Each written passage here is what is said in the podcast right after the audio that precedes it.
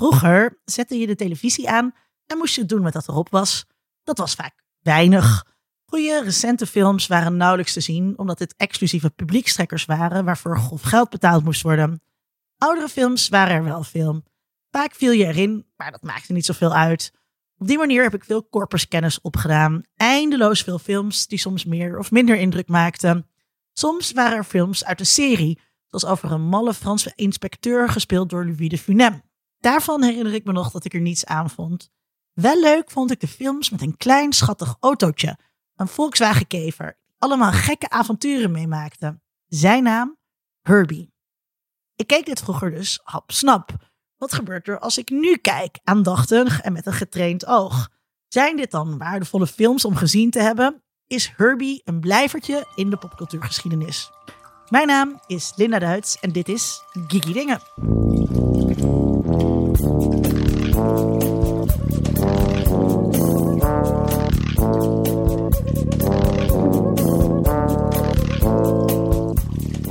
Mijn naam is Tom Aalmoes en ik zou wel een magische auto willen, want ik heb geen rijbewijs. Dus dat is gewoon best wel handig. Ik wil wel rondgereden worden door de stad.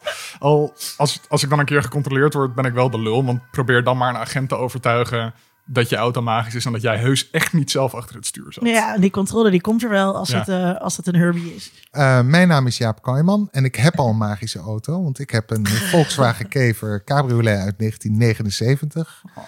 En eh, ja, die is, eh, hij praat nog net niet, maar hij is wel super magisch. En jij praat wel tegen hem. S- eh, heel soms.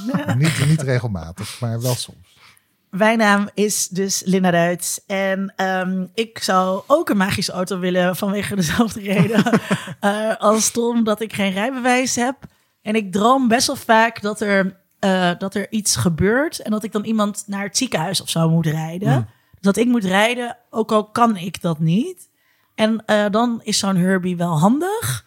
Eh, aan de andere kant eh, ben ik niet echt een auto of snelweg of dat soort persoon. Dus ik heb niet zo heel veel met autocultuur. Dus ik zou het handig vinden voor noodgevallen. Maar voor de rest hou ik het toch gewoon bij mijn, bij mijn trouwe stalen ros fiets. Oh, wacht, ik moet Ja, jij, bent aan het presenteren inderdaad. Jezus, wat erg. Eh, eh, u hoorde hem al. Eh, Jaap Kooijman is weer te gast. Jaap is universitair hoofddocent bij Media en Cultuur aan de Universiteit van Amsterdam. Je studeerde eerder Amerikanistiek, gespecialiseerd in Amerika. Dus absolute populaire cultuurkenner, televisiewetenschapper en dus ook kever-eigenaar. Jaap, je wilde graag een aflevering over Herbie. Waarom? Nou, ik, ik, ik wilde niet meteen een aflevering, maar ik vroeg mij gewoon af of Herbie of kevers in het algemeen een geeky ding waren. Hè, want ik hoor jullie altijd over Star Wars praten. En toen dacht ik, eh, hoe zit het eigenlijk met Herbie? Is dat eigenlijk een geeky ding, ja, Ja. of nee? Dus dat was mijn vraag. En, is eh, het een geeky ding? Nou, dat is meer een vraag voor mij aan jullie. Ja. Eh, maar ik zit hier vandaag, dus misschien is het toch stiekem wel een Ja, ding. Eh, Tom, zonder vooruit te lopen op het thema wat we natuurlijk pas straks na de terugblik Aha. gaan bespreken. Is, is Herbie een geeky ding? Ik denk het wel, omdat het toch een beetje een soort van... Het, het, is sowieso, het is popcultuur. En het is een soort van oude, obscurige popcultuur. Tenminste, mensen van mijn generatie denken, kunnen denk ik wel terugdenken naar die Lindsay Lohan film van... Oh ja, daar was een keertje iets mee. Maar ik heb nooit die oude films op tv gezien. Ja. Ehm, dus het is een beetje een soort van culty, obscuur popcultuur ding. Dus daarmee. En het is ook een beetje een soort film voor autogeeks misschien. Als dat een soort Ja, subdingetje weet, kan dat, het. weet, dat weet ik dus Ehm, niet. We moeten het straks even bespreken. Ja, dat, dat- maar dan lopen we misschien net te veel erop vooruit. Maar da- daar gaan we het zo over hebben. Dat is allemaal een soort, soort teaser voor, voor het publiek. Ik vond het wel grappig. Eh, iemand stuurde me eh, op Twitter ehm, een, eh, een, eh, een soort geeky bar slash eh, ijskast ding dat iemand had gebouwd, geïnspireerd op Herbie. En ehm, dus het spreekt wel tot de geeky verbeelding, zeg maar. Dat, ehm, eh, dat is het wel. Ik denk dus inderdaad wel dat het, dat het een geeky... Nou ja, we zijn elke keer onduidelijk van wat, wat we nou precies onder, onder geeky dingen. Ehm, maar het is zeker wel een popcultureel iets waar, waarvan, er, waarvan er ook mensen op een soort op een geeky fan manier mee bezig eh, zijn. Dat, dat, en sowieso denk ik met kevers. Ja, de, de kevervolgers, eh, Ik ben zelf al 40 jaar lid van de luchtgekoelde Volkswagen Vereniging van Nederland. en ehm, ja, dus eh, de- het verenigingsleven onder eh, keverrijders is, is vrij actief. Ja. En is, is daarbinnen dan Herbie ook echt een icoon? Ehm, nee, niet heel erg specifiek. Nee, ik denk dat de kever dan zwaarder weegt dan, dan Herbie. Herbie is een kever, maar niet elke kever is een Herbie. Nee, oké. Ik had een tijdje, eh, eh, eh, ik had een vriendje en wij hadden ook twee oldtimers. Ehm, wat best overdreven is, gezien ik dus geen, geen rijbewijs heb. En eh, een klein Fiat 500 en een Aston Healy rode sportwagen, eh, ook cabriolet. En ehm, die, hadden ook, die hadden ook namen en zo. En wij, wij, wij wezen elke, ehm, elk Volkswagen, elk Volkswagenbusje bijvoorbeeld aan. Dus ook als we op reis waren, dan Volkswagenbusje. En dat is ook best wel een ding. En dat is ook bijvoorbeeld iets wat in Lego heel erg leeft. En ik denk dat alles wat je in Lego kunt namaken of zo, bijna per definitie geeky is. Nou ja, en nou ja, er is een eh, kever van Lego. Die verkopen ze ook. maar ehm, keverrijders die zwaaien ook naar elkaar.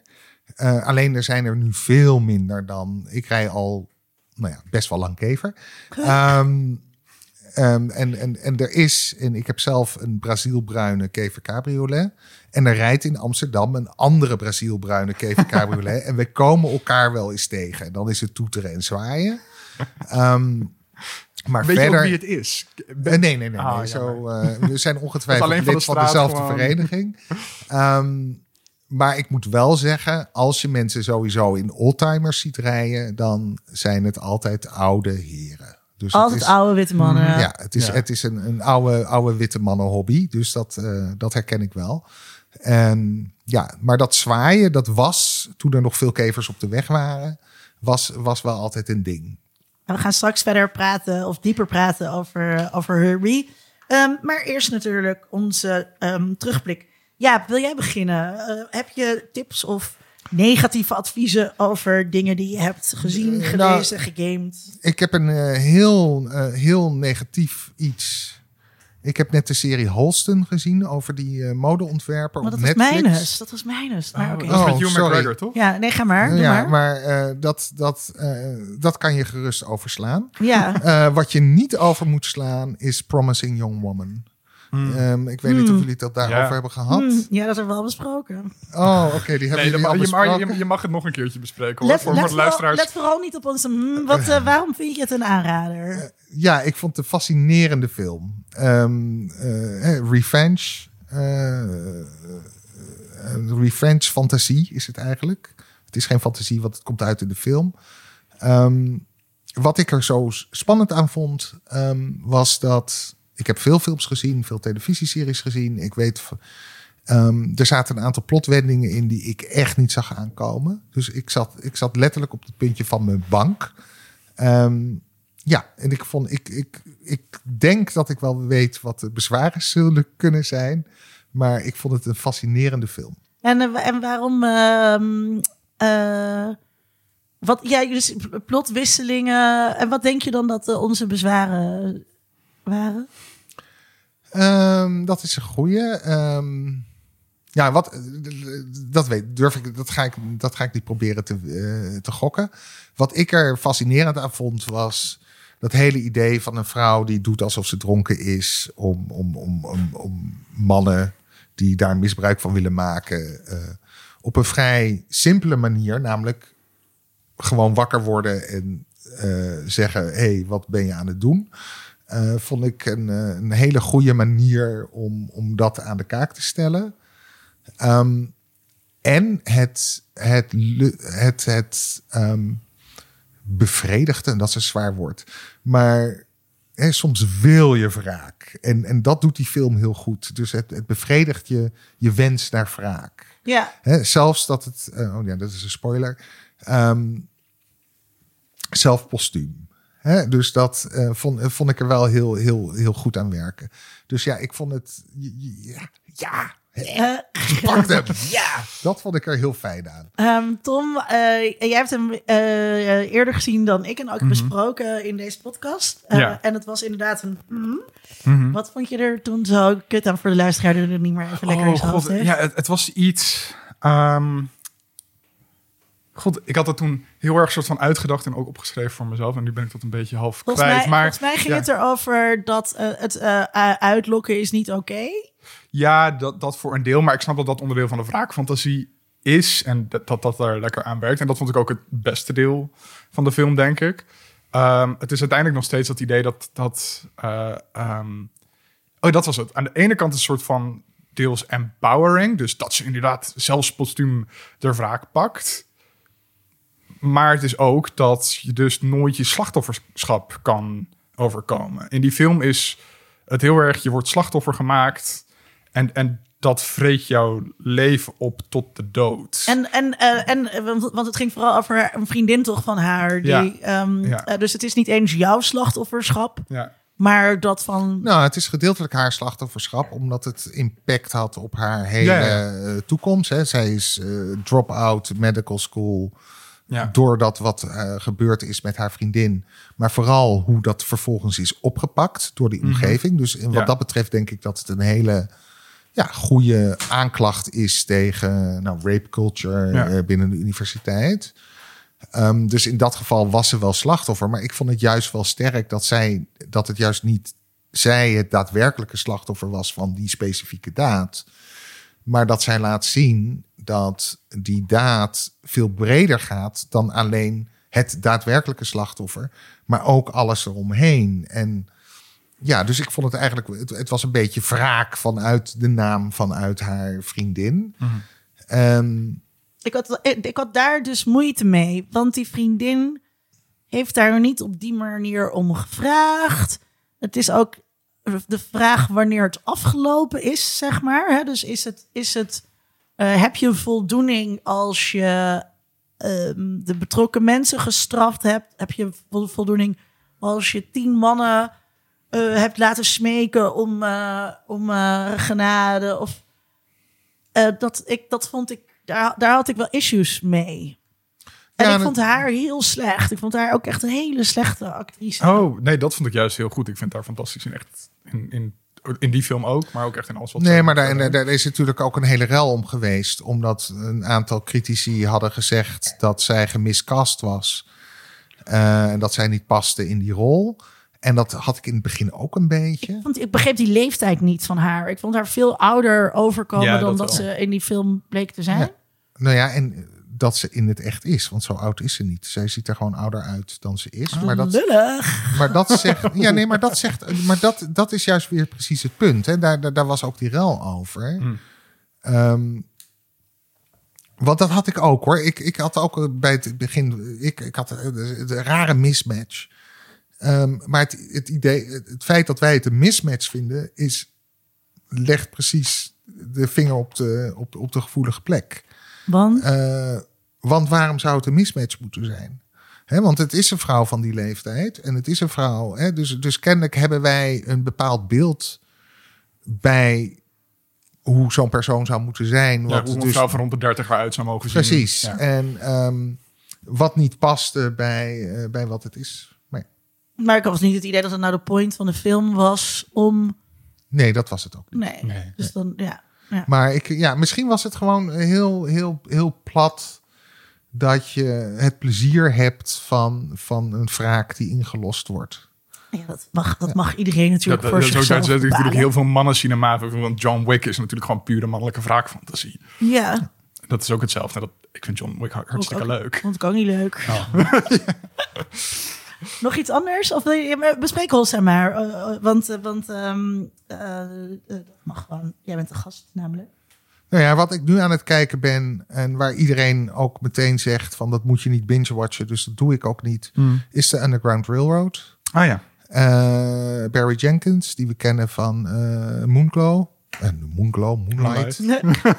sorry.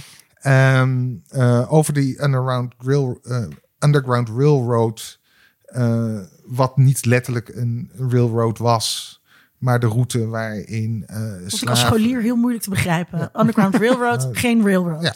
Ja, dat, dat, dat, is nog steeds altijd het beeld wat ik in mijn maar Ja, ja, In, nou ja, maar de grap is, in de film, of sorry, in de serie is het wel een letterlijke trein. Oh. Dus het is, en, eh, maar het is eh, heel, en, en daarom is het inderdaad goed om het niet te binge-watchen.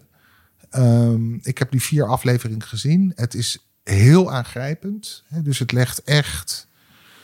ehm, het is niet eenduidig. Het is een populaire cultuur is nooit eenduidig, maar dit is echt super meerduidig.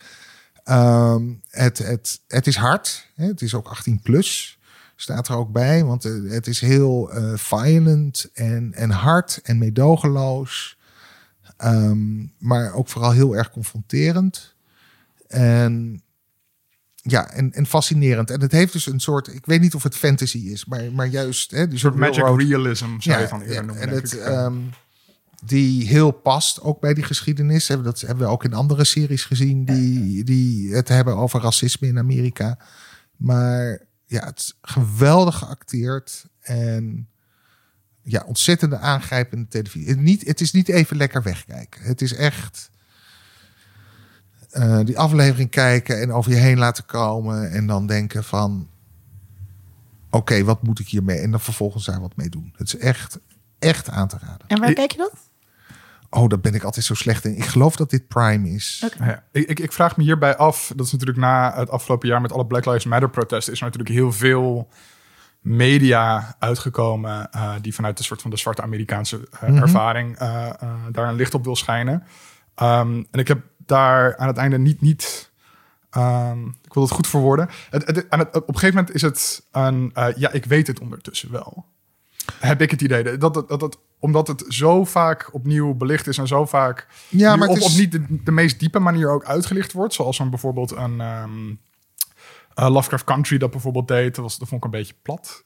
Oh, dat Eh, vond ik geweldig. Maar ja, Maar, maar dus, dus ik, ik, ik, vraag me af dan met deze serie, daar heb ik dus niet naar gekeken, omdat ik ook een soort van bang voor was dat ik dan weer zou zitten van, ik hoef niet nog meer naar lijnende zwarte mensen te kijken. nee, dat Op begrijp ik wel. afgelopen Maar jaar het, het, het, deed mij heel erg denken aan een roman die ik tijdens mijn studie moest eh, lezen. Beloved van Toni Morrison. Ook laatst En, gelezen. en dat is een roman die. eh, dat is een roman waar je elke keer dan weer een paar bladzijden terug moet om het te herlezen. Omdat het. ehm, niet omdat het te moeilijk is, maar omdat het zo meerduidig is. En Mhm. dat, dat je gewoon de tijd moet nemen om het in je op te Dat nemen. echt, ik vond het een heel pittig boek. Ja, dat is heel. En, en dat zeg ik, want ik, ik, ik, ik, ik kan die titel nooit goed onthouden. Maar die je net zei, vond ik ook prachtig. Mhm. Ehm, met dat magische realisme. En, en, eh, en vooral die aflevering waar ze naar, eh, naar die massacre gaan uit 1921. eh, Hmm. dat, dat is. Dus, dus het is sowieso opvallend dat er heel veel fantasy wordt gebruikt om over de African American experience en de zwarte ervaring in Amerika te praten. Maar deze serie is wel heel anders weer. En ehm, in de zin dat het vragen stelt over slavernij. Mhm. En eh, wie zijn mensen en wie zijn niet mensen en wie bepaalt dat? En ehm, de derde aflevering gaat helemaal al, al terug op de jeugd van. Je hebt zo'n slavenvanger, dus die, die op zoek gaat naar ontsnapte slaven. En je krijgt geen sympathie voor hem, maar je gaat wel mee ook in, in zijn wereld. Dus het is, het is Hoe, hij gesocialiseerd is. Precies. Ja. En ehm, ook een product is van zijn tijd. Mhm. En, en, en er zit tegelijkertijd, en dat vind ik wel fascinerend daaraan, is zit dat fa- fantasy ding. Dus het is, het, het- het is niet een historisch drama. Dus het Nee. klopt niet allemaal, maar waarschijnlijk, dat weet ik niet. Maar het, het, het pakt dat gevoel en het, en, het, en het roept die vragen bij je op. Hmm. En ja, en ik, ik, ik vind het, ik wil het niet universeel noemen, want ik bedoel dat is dat, eh, oh, maar het gaat over zwarte mensen of het gaat over homo's, maar het is eigenlijk uni- universeel. Dat nee, want het gaat over een specifieke historische eh, ervaring. Maar het, het gaat wel over, en, en over ehm, menselijkheid. Hmm. En, en, en hoe, wie bepaalt dat? En, en het, het, heeft, het deed me ook denken aan het eerste seizoen, want die latere seizoenen zijn vreselijk. maar van de Handmaid's Tale. Ja. Hè? En dat Ja. heeft datzelfde be- be- benauwende gevoel van een, een, een, een samenleving waarin mensen niet meer veilig zijn en moeten vluchten. Mm. En dan al dan niet eh, ontsnappen. Ja. En ja, dus, dus het, wat mij betreft is het niet just another Ja. black experience. in- Ja, nee, ik wil daar ook niet heel erg, heel erg luchtig over doen of zo. Maar ik heb het idee dat heel veel eh, dingen, of de hoe- de hoeveelheid die daarvan uitkomt, op een gegeven moment toch ook wel voor een deel. En het is heel veel is ook voor witte publieken bedoeld, heb ik het idee dat het gewoon heel veel hier zijn leidende zwarte mensen, zodat jij als progressief wit persoon hiernaar kan gaan kijken en er dan Nee, maar dat die hier aan tafel, ja, Nou ja, en die grens- maar die mee grens is, sowieso, want dat, dat is natuurlijk met de Handmaid's Tale. Dat gaat dan niet specifiek over zwarte mensen. Maar ik bedoel, seizoen 2 en 3, ik ben er gestopt. Want het was een soort ja, suffering torture porn. porn, ja. ja. En eh, op een gegeven moment weten we, lijden is heel erg. Ehm, en het stelt niks meer aan de kaak. En die Underground Railroad stelt wel wat aan Hmm. de kaak. Zowel historisch, over de situatie toen, maar ook over nu. Hè? Hoe, gaan we, hè? Hoe gaan we om met de vluchtelingenproblematiek? Het gaat er niet letterlijk over. maar het, het maar het, het, het feit dat we eh, over de vluchtelingenpolitiek, dat we ook eh, mensen ont, ontmenselijken. Hmm. Hè? En dus, dus het gaat heel erg over dat vraagstuk van wie bepaalt wie wel of niet een mens is. Hoe, hoe gaat die ontmenselijking? Mm. Ehm, en het is, ja, ik durf het bijna niet te zeggen als, als eh, wetenschapper op het gebied van populaire cultuur. Maar het is ook televisie wat je echt aan het denken zet. Mm. Dus dat wat je, wat, eh, het is geen televisie voor ontspanning. Het is echt. En daarom moet je ook maar gewoon één aflevering per keer kijken. Want je moet het digesten. Je moet het kunnen, eh, ja, kunnen verwerken. Interessant is dat, hè? Ja. Wat je wel en niet achter elkaar kunt kijken. Holsten daarentegen. Hap, slik weg. Wat een lekker bruggetje. Ehm, zal, zal ik hem dan even pakken Ja, voor, die, goed. voor, die, voor die Holston? Ja, ik, moet, ik, want ik heb, ik heb niet zo heel veel gekeken, dus ik kan hem niet hier laten, laten stelen. Ehm eh, Holston-serie over, een Ryan Murphy-serie over ehm, de Amerikaanse hoeden- en modeontwerper Holston. Gespeeld door Ewan McGregor. En daar, daar had ik daar, ik keek ernaar en ik had eigenlijk de ophef gemist die er vooraf al was. Want er was Oh, heb ik ook gemist. eh, ophef over. Dat, dat ja, Hugh McGregor is eh, hetero en hij speelt gewoon een, een, een homo-personage. Oh, ja, helemaal gemist. en hij heeft daar dus zelf wel dingen over gezegd, omdat hij zich er bewust... Hij, hij, hij wou zich ook een beetje indekken, zodat hij zich er bewust van was. En eh, dat hij toch vond dat het wel kon. En ik vond eigenlijk dat het niet kon. En ik ben dol op Hugh McGregor, Obi-Wan Kenobi, alles. En eh Trainspotting. En, eh, en hij heeft natuurlijk wel vaker gay personages gespeeld. Hm. Maar ik denk bij dit soort dingen... ehm hoe heet die gast ook weer? Sheldon eh, uit eh The Big Bang Theory? Jim Parsons. Ja, Ja, die wel vaker in een Ryan Murphy-serie gespeeld ja, heeft maar ook. dat, die rol was hem op het lijf geschreven, dacht ik. Die had het heel goed, dat hij een beetje arrogant, eh, zelf ingenomen man kunnen spelen. En dus er zijn genoeg gay acteurs waarvoor er weinig werk is. Hmm. En ik heb daar toch wel problemen mee dat die werkgelegenheid dus ingepikt wordt door hetero acteurs. En het is niet zo, hè, eh, zoals die- rel die toen was over die vertaling van dat ene gedicht. Het is niet zo dat je gay moet zijn om een gay acteur te spelen. Maar het is wel zo dat te vaak dit soort rollen naar hetero acteurs gaan... die dan ook nog eens een keertje onwijs geroemd worden...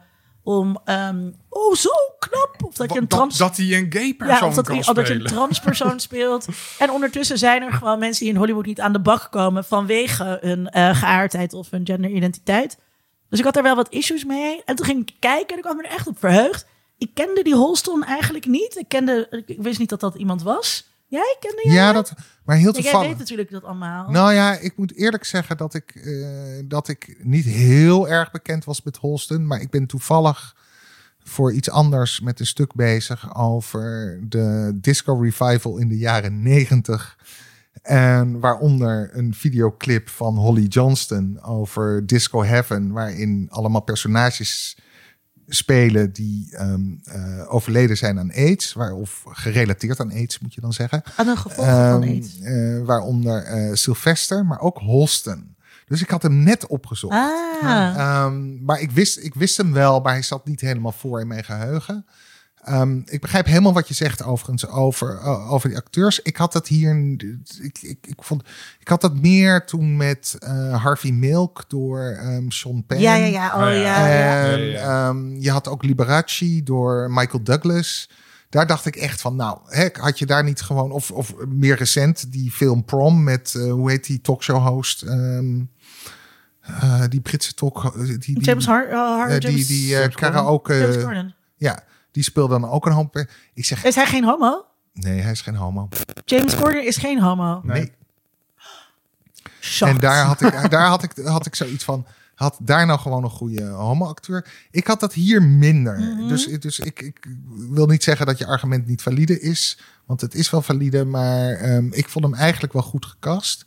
Maar ik had echt bij het kijken bij die serie. Ik weet niet waarom ik hier naar kijk. Ja. En uh, het was zo cliché. Uh, er kwam echt niks naar voren. Het is een echt belangrijke rol voor een actrice die um, um, Liza Minnelli speelt. Liza with a Z. Maar het is, het is zo voorspelbaar. Je voelt alles al aankomen. En, en ik zat echt te denken van waarom kijk ik hier naar? Wat heb ik geleerd in deze af... Ik ben niet vermaakt. Ik ben nog vermaakt. Nog heb ik Ja. wat geleerd. Mm. Het rare is dus, ik, eh, ik, ben, ik was enorm fan van, eh, van Ryan Murphy. En eh, ik keek met heel veel plezier naar American Horror Story, wat ik echt heel erg goed vond. En ook, eh, mijn teleurstelling begon dus met Prom, die film waarvan ik echt dacht, wa- wat?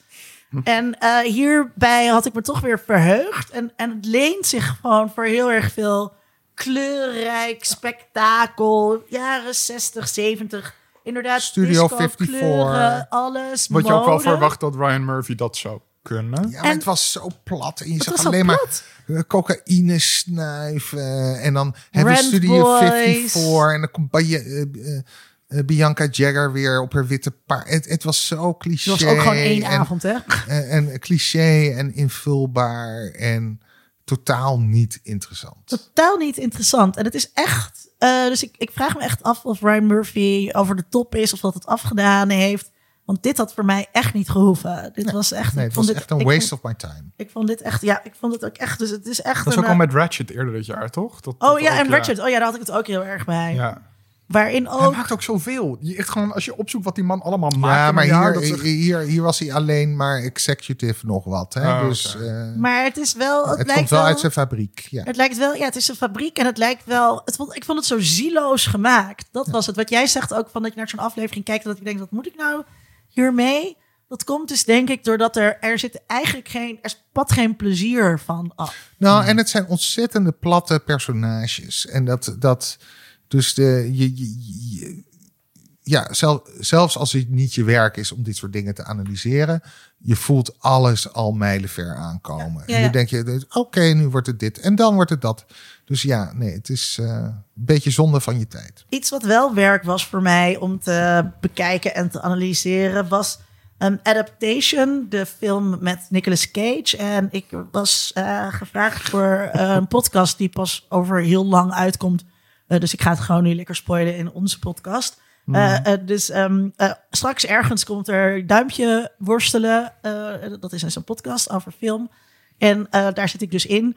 En daarvoor moest ik dit kijken. Ehm, en ehm, dat is dan duim omhoog, duim omlaag. Nou, dit was een dikke duim omlaag. En ik vond het echt. ehm, ehm, het, het werd voor mij een soort oefening toen ik dit aan het kijken was in.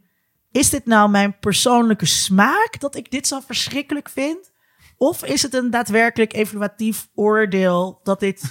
Hè, dat, dat het dat je echt ook een kutfilm is. ja, dat je ook op meer, op meer objectieve criteria kunt vaststellen dat dit niet goed is. Het is een hele postmoderne film. En ik hou heel erg van postmoderniteit. Het is super meta. Daar hou ik ook heel erg van. Het is heel deconstruerend. Zeg je deconstructie, zeg je Lina uit. Dus op papier heeft het alles om, eh, om echt een hele interessante film te zijn. Het gaat over Charlie Kaufman, een scenario schrijver die writersblok heeft eh, bij een adaptatie die hij moet maken. Maar Nick Cage speelt Charlie Kaufman. Nick Cage speelt Charlie Kaufman. Ik vind Nick Cage een bijzonder irritante acteur. Nick Cage speelt ook de fictieve tweelingbroer van Charlie Kaufman, Donald Kaufman. Er zitten dus twee Nick Cage's in deze film. Dat is echt gewoon um, een, een, een, een, heleboel. En um, uiteindelijk is het. Um, wat wil ik nou zeggen? uiteindelijk is het. Oh ja, dus de film is heel erg. Dus meten wat ik net zei. En er zit een soort grap in. die, dat, dat meta, dat moet dus een grap zijn. En ik vind die grap dus gewoon niet grappig. Dus hoe, het is een beetje, hij zet zichzelf neurotisch neer en dan maakt hij dus een grap. Dus op een gegeven moment komt er een ommekeer in die film. Zijn broer is dus de betere versie, die, die knapper is, en of nou, knapper, die meer succes heeft met de vrouwen, die wel extravert is en al die mhm. dingen. En die gaat dan op, uh, op schrijfcursus, want hij wil ook schrijver zijn bij zo'n uh, schrijfgoeroe. En dan uh, schrijft hij een heel clichématig script over, over een psychopaat met achtervolgingen en dingen. En dat is dan succesvol. En dan denkt Charlie Kaufman, dit soort elementen moet ik er ook in verwerken. Uiteindelijk als hij heel despert is. En dan gebeurt, dan gebeurt er dus in die film ook van alles met een achtervolging. Oh, dus en... net met, met Seven Psychopaths, die film waar ik het vorige keer over had. Ja, precies. Dus die, hebben dat sowieso hiervan die gejat. Ja, die jongen van die podcast noemde ook Seven Psychopaths. Ja, ehm, eh, en ik vind dat grapje dus gewoon niet grappig. Oh, en je ziet het allemaal ontvouwen en het interesseerde me niks. En ik was nul invested. Um, in dat ironische spel met storytelling en met Hollywood clichés en al die dingen. Um, uiteindelijk is het denk ik dus misschien. Het, ik vond het dus werk. Het was ook werk voor mij om het te kijken. Maar uiteindelijk is het misschien toch ook wel een aanrader voor, voor de luisteraar om toch te kijken. Om dus ook te bedenken. Um, deze film is uit uh, eh, 2002, meen ik. Um, Werkt het? We hebben, nu, we hebben nog wel meer postmoderne films gezien. Mhm. Werkt het nu nog? Hebben we dit trucje niet al te vaak gezien? Als je deze film nu voor het eerst ziet, kan je er dan nog zo geboeid door zijn als dat mensen in 2002 waren toen dit allemaal nog redelijk nieuw was. Dus ik vond het heel uh, interessant als filmervaring. Uh -huh. Maar dit, wij hebben ook van Kaufman ook, uh, ik weet nooit hoe je dit woord uitspreekt, ik toch, uh, ik Doc in New York. Ja, uh, die moet ik dus nog kijken. Maar die, maar die hebben wij toen in de bios gezien, een keertje in FC Hyena. Een filmavond van Cesar. Oh. Niet interessant voor de luisteraar. maar die hebben we toen gezien en die vonden we allebei fantastisch. En dat is ook een gigantische metafilm. Ik wil dus nog gaan kijken, maar ik ben vergeten dat ik... Maar ik vind bijvoorbeeld ook Being John Malkovich, ook van ja. Kaufman vind ik dus ook een hele leuke film. Ja. En um, Eternal Sunshine of the Spotless Mind vind ik ook een hele toffe film. Ja. Had, je ook nog um, uh, I'm Thinking of Ending Things? Nee, die heb ik nog niet gezien. Oh, ja. Nou, ik had het hier over met Gijs Wilbrink, van, uh, oprichter van Vriend van de Show, een keer over. Die zou heel graag een keer langskomen om over Kaufman te praten. Dus misschien moeten we dan misschien een keertje een Kaufman aflevering maken. de Kaufman en het postmodernisme nee, het induiken. Zegt inderdaad, zie ik dus dat dat met die met die film die zich ja, ja. raar afspeelt. Ja. Oh, leuk. Nou ja, dan zetten we die op de lijst voor, um, voor, uh, voor, voor. Na Herbie. we, doen alvast uh, de bespreking voor volgende afleveringen in de aflevering. voor, voor een Kaufman aflevering, maar dat is, wel, dat is wel een leuk idee. En dan kan de kijker toch vast ook als huiswerk um, dit kijken. Uh, Tom, wat heb jij gekeken, gelezen, gegamed? Um, ik heb. ik laat een pen vallen. Het nieuwe seizoen van Love, Death and Robots gekeken. Dat staat nu op Netflix. Allemaal uh, shorts. We hebben het ook een keer eerder over gehad toen het eerste seizoen uitkwam. Um, waarin Netflix basically gewoon volgens mij onbeperkt geld naar een paar kleine animatiestudio's gooit. Om een geanimeerde short te maken. We waren er toen enthousiast over, meen ik me te herinneren. Laaiend enthousiast. Niet over alles, want het is natuurlijk, het zijn allemaal verschillende studio's, allemaal verschillende verhalen. Maar toen was het echt zo'n zo'n pakket van, ik weet niet meer hoeveel afleveringen het waren, maar echt een stuk of twintig of zo had ik het idee. Um, Creatieve impuls. Ja, het, het, dat, en dat vond ik heel erg leuk. En nu zijn het er acht. Ook allemaal net wat korter volgens mij. Dus nu hebben ze een wat minder dik pakket geld naar die studiootjes gegooid volgens mij. Um, nog steeds heel leuk om doorheen te kijken, maar niet allemaal dat ze even goed landen. Dus er zitten leuke ideetjes tussen van um, een, een soort hyper geavanceerde Roomba die een half beveiligingssysteem is, die een soort bug krijgt en besluit zijn eigenaar uh, om te gaan uh, leggen. Lachen, is gewoon, leuk. En dat hoeft ook niet langer te duren dan 10 minuten. Um, maar ook dingen van een piloot die gestrand is op een asteroïde en dan ontsnapt.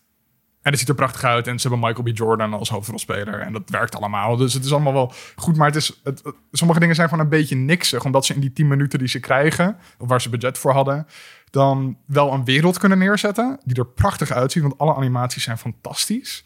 Maar verhaaltechnisch er dan net niks mee weten te doen. Ehm, ja. En ik dacht de hele tijd heel erg van geef het dan net een paar minuutjes meer. En dan is eigenlijk dit wat ik wil van Black Mirror. Ik hoef geen lange afleveringen van Black Mirror. Geef me dit soort shorts en dan ben ik heel erg gelukkig. Maar het is ook, zijn er eigenlijk langere dingen uit voortgekomen? Want ik kan me ook voorstellen, ik moet meteen denken aan Philip K. Dick, die natuurlijk veel korte verhalen schreef, die later uitgewerkt zijn tot feature films. Is er dan bij die, uit dat eerste seizoen ook iets voortgekomen van wat dan later door iets anders is opgepikt? Niet dat ik weet. En ik zou ook wel verwachten dat ze dat dan wel heel erg groot zouden publiceren van deze short van Love, Death and Robots die iedereen zo tof vond. Want het, je wilt toch dat dat dan ook een soort talentinvestering is? Maar het is wel, je merkt aan alles dat het een soort tech demo is voor die studio's. Dat ze echt het beste laten zien uh, van wat ze kunnen doen. Dus je kan bijna eigenlijk in elke short kan je wel een element aanwijzen in de animatie van, oh, dit is dat ze willen laten zien. Dus bij eentjes bijvoorbeeld huid- en gezichtshaar, uh, dat er prachtig uitziet en dat je echt iets van... Oh, om dan later dus niet misschien ingehuurd te worden voor de uitwerking van dit verhaal of die wereld, maar, maar vooraf vanwege de skills. Ja, dus dat, dat, dat ze zien van, oh, we willen een animatie waarin dit er heel goed uitziet, dan moeten we bij deze mensen aankloppen. Dus misschien is achter de schermen is dit hartstikke succesvol, geweest misschien. En dat weten we dan gewoon niet. Uh, maar met de soort van ideeën die hier ontwikkeld zijn, gebeurt niet zo heel erg veel. Eentje is ook van een reus die strandt ergens in Engeland, dood. En dat mensen dan gefascineerd zijn. En dan rolt hij langzaam weg. En dat was het verhaal. Weet je, ook van, ik weet niet. Dat is het leven. ja, en dat wordt dan door soort van. Zo, met een beetje een halve David. Weg, ja. Met een soort halve David Attenborough stem wordt dat dan genarrate. Met allemaal overpeinzingen over het leven. En dan zit je aan het einde alleen maar. Waar heb ik net 10 minuten naar zitten kijken? Hé? Wat? Um, maar nog steeds heel leuk. En kijk het voor de animatie. Het is fantastisch. Uh, zelfs al lang niet alles. Uh, verder heb ik ook, dat ik al eerder over gehad. Uh, een paar afleveringen terug. Mass Effect, een game uh, die tussen een game serie die tussen 2007 en 2012 of zo is uitgekomen. Um, van hele goede RPG's. En dat, ik heb daar gewoon zoveel uur. Dit is, dit is afgelopen weekend uitgekomen. Dus het is nu wat negen dagen uit. En ik, ik heb alleen maar zitten spelen. Gewoon elke dag. Gewoon op zijn minst denk ik twee uur of zo. Nice. En sommige dagen echt een stuk langer.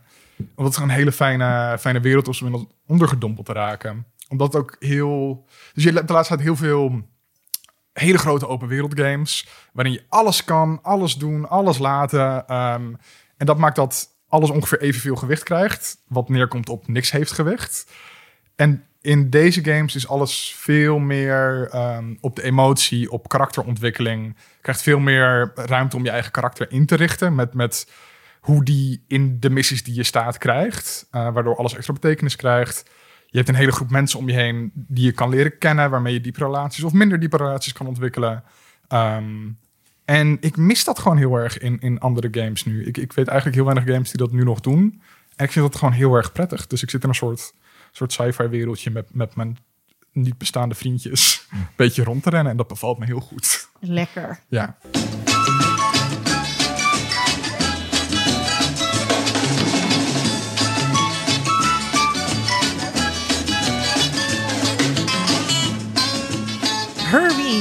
Het kleine, leuke, schattige autootje. Ze kunnen ook geen moment onbenut laten om te benoemen dat het een klein autootje is. Terwijl het best wel meevalt. Zo klein is hij helemaal niet zo klein. Zijn die kevers ook helemaal niet? Kijk jou even aan, Jaap. Nee, kevers zijn helemaal niet zo klein. Ze zijn, eh, ze zijn behoorlijk zwaar ook. Ja. Maar ehm, zeker in de Amerikaanse context, hè, waar de film oorspronkelijk Herbie is gemaakt werd het wel gezien als een kleine auto. Maar dat kwam ook vooral omdat die Amerikaanse auto's zo ontzettend groot waren. Ja. En ze hadden daar ook In een, Texas ben je al snel slank. Ja. En uh, ze hadden daar ook een, uh, een uh, ontzettende goede reclamecampagne. Die is ook heel beroemd. maar waaronder hadden ze er een Think Small. He, dus het, ze hebben de kever daar in Amerika ontzettend in de markt gezet als een autootje dat uh, lelijk is, uh, dat klein is. Hè, dus think small en alles. Een heel klein afbeelding van de kever.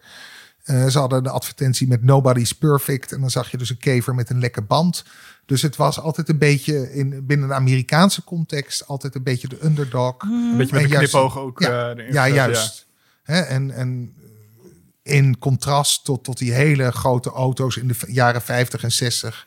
Van die, Am- eh, ja, die Amerikaanse auto's waren veel groter dan wij in Europa kenden. Ehm, we, er is een hele reeks eh, films gemaakt eh, over Herbie. Waarvan ik er denk ik dus vroeger veel gezien moet hebben. Maar we hebben besloten dat we, het, dat we er drie gingen kijken. En daar gaan we het ook over hebben.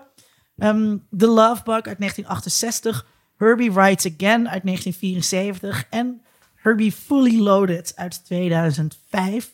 Ehm, voordat we ze afzonderlijk gaan be- bespreken, eh, even eerst eh, eh, al- algemeen.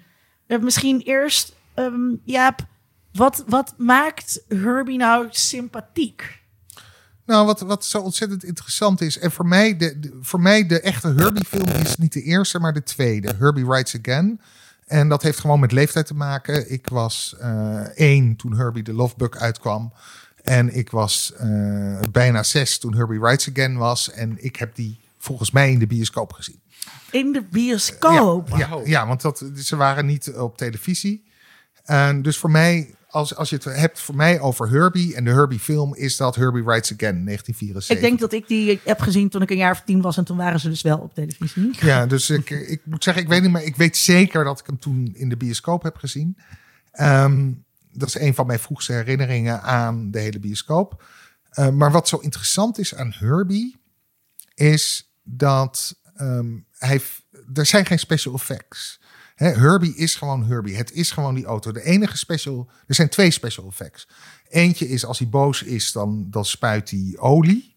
Als een soort hondje dit plast. Nou, dat is een special effect. Dat doen eh, echte auto's doen dat niet.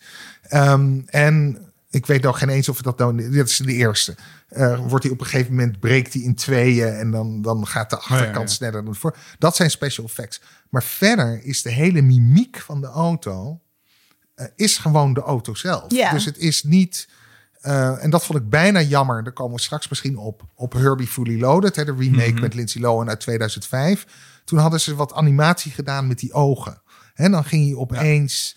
En die kreeg je bumper die kon op een gegeven moment buigen een beetje in een halve glimlach of ja, zo. ja, zelfs dat nog, maar vooral in die ogen. Dan opeens, dat, Emoties in die ogen. ja, en dat vond ik heel erg jammer. Want, vond ik het, ook heel storend. Ja. want, want, want de kracht van Herbie is juist dat het gewoon een auto is. Maar dat je als kijker en ook al een aantal personages voelt dat het een personage is. En dus dat als hij toetert en als hij stijgert of juist niet, of dat hij op de ram, rem trapt. Dus het is al een, een vermenselijking van een auto zonder die trucjes en ook zonder uitleg. Er Ja. wordt helemaal, ik bedoel, hij, hij praat ook niet en hij is, hij is ook niet betoverd door iets. Het is gewoon een auto die toch menselijke trekjes hebt, heeft in al zijn auto zijn. Dit Ja. klinkt heel vaag, Ja, ja. maar en dat trok mij als kind ontzettend aan. ja. Ehm, want ik weet eerlijk gezegd niet of ik nou van Herbie hou, omdat ik. eh, Of dat ik van kevers hou, omdat ik fan was van Herbie, of andersom. Mijn, dit wordt misschien iets te persoonlijk, maar mijn, eh, mijn moeder had een, Leg je ziel bloot. Nee, mijn, eh, sorry, mijn moeder had een kever. Eh, Herbie is uit 1963. Eh, mijn moeders kever was uit 1967, mijn geboortejaar. Dus of ik nou van Herbie hield omdat het dezelfde auto was van mijn moeder of andersom. Hij was ook wit, bolle koplampen. Hè, want eh, kevers die eh, zijn gemoderniseerd over de jaren en die kregen later rechte koplampen. Maar Herbie heeft nog bolle koplampen en bolle wieldoppen. Ehm, De kenner. die eh, niet in de, by the way, niet in de eerste Lovebug, want daar heeft hij geen wieldoppen, maar in de tweede wel. en eh, voor mij waren, was dat, was, dat was Herbie. En voor mij was die auto van mijn moeder, en ik, ik was vier, vijf, dus ja, dan heb je een, eh, ben je niet geremd door alle dingen die we later leren wat moet. Voor mij waren die auto's persoonlijkheden. En niet alleen kevers, alle auto's waren voor mij persoonlijkheden. Dus voor mij was Herbie heel logisch.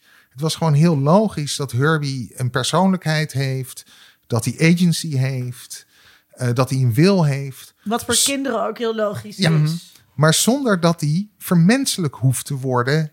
In, behalve dus dat, dat olie eh, Ja. ding. Ja. En, en, en, en de expressies, een toeter. Hè? Dus die, die- wat een typisch, nou ja, elke keverliefhebber herkent die toeter. Ik, eh, de kevertoeter herken je van duizend.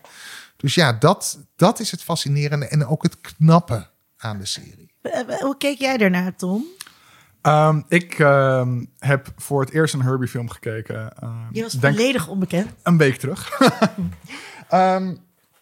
Maar dat vond ik inderdaad heel leuk. Ik vond Herbie bijna meer karakter hebben dan al die mensen eromheen. Ondanks het feit dat hij dus nul mimiek heeft. En gewoon puur doordat hij reageert op situaties en zo. Da- da- da- daar heb je dan verder geen vermenselijking voor nodig, inderdaad. En dat vond ik wel heel, een heel charmant autootje. En dat, vond ik, en dat vond ik dus ook, en dan loop ik dus weer op de zaak vooruit, dat dan weer ook minder in Herbie Fully Loaded. Ja. Daar, daar, wat, daar, daar krijgt hij meer mimiek, maar eh, eh, levert hij een op karakter. Omdat hij dus minder reageert op situaties, minder instrumenteel is voor het plot ook. Eh, hij, hij, hij is er, Ja. sure, maar met het verhaal heeft hij verder niet zo heel veel te maken meer. Waarom is Herbie een man? Nou, omdat hij Herbie heet. Omdat, Nee, maar dat omdat is- hij vernoemd is naar de, Eh, naar Uncle Herbert. van- ja. Ja, Oh. Nee, ja, nee, maar dat is heel grappig. Ehm, want ik zou sowieso... Waarom, waarom moet een auto sowieso een gender hebben? Ja. Hè? En, eh, en vaak wordt gezegd dat boten worden vaak gezien als vrouwelijk... en auto's toch vaak als mannelijk. Toen Ehm. wij die, toen wij die eh, oldtimers hadden, ene dat veertje heette Miss Penny Lane. En eh, die ander Austin Healy. heet die Aston Healy heette. Nee, ik zeg het verkeerd. Nou, ik moet even denken. Nee, die ander heette Miss Penny Lane. En dat viertje heette.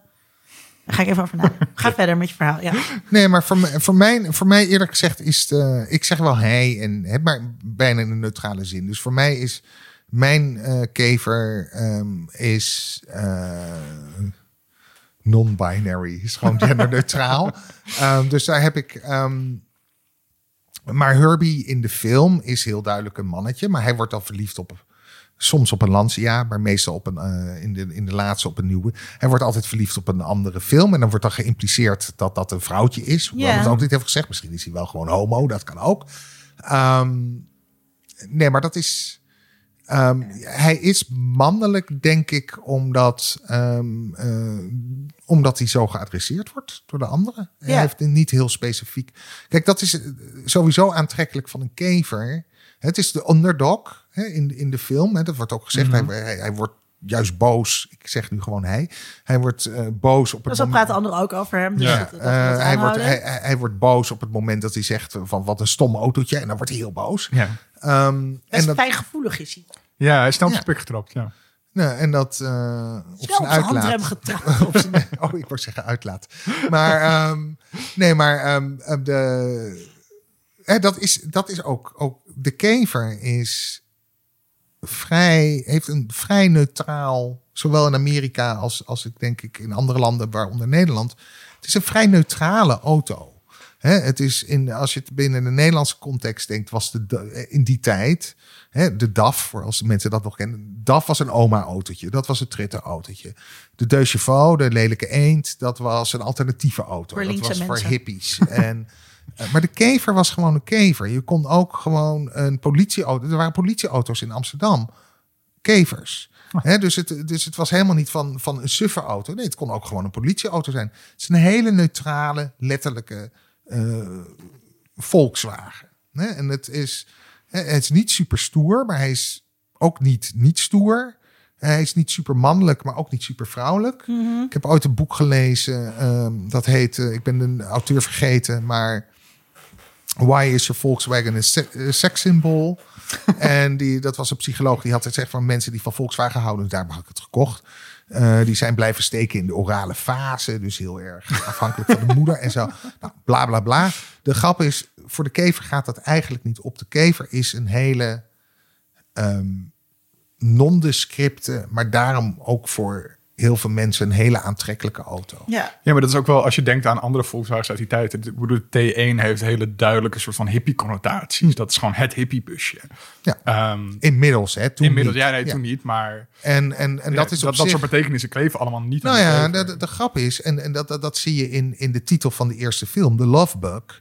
Hè, de, eh, de, de, de hippie-connotatie, want daarom zeg ik, die, die, die met, met, met de bus, die hippie-connotatie is veel later gekomen. Ehm, ook gerelateerd aan Californië en ook en aan die surferscultuur. En dat had de kever ook. Maar daar speelt die eerste film eigenlijk, eh, speelt daar mee. Want ehm, in, toen die film uitkwam in, in 68, was het natuurlijk de hoogtijdagen Ja. van de hippie-tijden in San Francisco. En toen was de kever daar al een hippie-symbool. Maar dan was hij geverfd en dan had hij felle kleuren en dan stond er Dat zie je ook in de tweede film inderdaad. Zie je een, een, een, een, een hippie eh, ja, kever, maar, maar in de. Ja. eerste film zie je, wo- worden hippies belachelijk gemaakt. Mhm. Dus je hebt meerdere momenten waar er echte hippies zijn en die zijn allemaal stoned. En de, de Herbie is juist helemaal niet hippie. Maar dat, dat, dat ehm, want we moeten dat even adresseren. Ja. Volkswagen, eh, Hitler, toch een overblijfsel of, eh, of hoe noemen we dat, een eh, prettig bijgevolg van Nazi-Duitsland. Ja. Die betekenis is er dus ook helemaal niet aan blijven plakken. Nou ja, ja, kever ja. Gezien? Heb je een kever gezien? Dat ziet er toch niet uit als een naziwagentje? Het is veel te lief. Maar dat is het dus, maar dat is het wel. Dus Nee, het maar dat is- het je- je hebt, eh, polysemisch, is die En- en- kever. nou, er zijn meerdere dingen. Nou, hè, wat, fascinerend is, wat fascinerend is aan de kever, waaronder Herbie, is dat het eigenlijk gewoon een auto is uit de jaren 30. Hij is dus altijd gewoon gemoderniseerd, maar het is altijd hetzelfde model gebleven. Het is ook de meest verkochte auto in de wereld, 22 miljoen. Daarna komt de T-Ford met 15 miljoen. Er is één model wat officieel meer heeft verkocht. En dat is de Toyota Corolla. Maar dat vind Die ik niet gelden. Ja, maar dat vind ik niet gelden, want dat model is Die thuis echt... eh, onder de carport. Ja, maar die is, dat model is door de jaren heen veranderd. Dus dat Ja, is dat is gewoon eigenlijk een andere auto. Ja. Hè? Maar de grap is, als ik mijn kever neem uit 1979 en ik zet het naast, ik durf het bijna niet te zeggen, eh, de kever cabrio waar Hitler in reed bij de opening van Wolfsburg. Uh-huh. Hè? Want het, het is, de kever is een product van Nazi Ja, ja. eh, Duitsland. Het was de KDF-wagen. En het idee was dat ehm, Duitse arbeiders konden Ja. dan sparen en dan, en dan konden ze sparen. Ja, het, ze- het, het was de auto voor het Duitse volk. Ja. Betaalbaar voor iedereen. Volkswagen. Ja, de, de Volkswagen. En als, Ja, je, als je naar het een oorspronkelijke logo kijkt van Volkswagen, dan is dat in het midden is dat nog steeds dat VW-teken. Mhm. Maar eromheen zit een hakenkruis. Dat hakenkruis hebben ze later weggehaald. En, en, en het, Collectors item. maar eh, nou, en, en eh, het, wat een stok voor stak voor die ontwikkeling van de kever zelf, was dat ze toen over zijn gegaan op de Kubelwagen en de Schwiemwagen. Dat waren echt de Duitse versies van de Jeep. Hè, dus ze zijn oorlogsvoertuigen gaan maken. Maar als je kijkt naar die oorspronkelijke kever waar Hitler in zat, in die kever, en zet hem naast mijn kever, dan zie je, het is gewoon nog hetzelfde model. Er zit eh, ruim 40 jaar tussen. Hè? Maar mijn kever heeft nog een, eh, een treeplank en spatborden. Het is gewoon een auto uit de jaren 30. En dat is zo fascinerend. En wat er ook fascinerend aan is, is dat ze dat imago voor een groot gedeelte eraf hebben kunnen halen. Ik zag, want ik, eh, iedereen wist dat ik van kevers hield, dus ik heb ontzettend veel eh, kleine modelautootjes.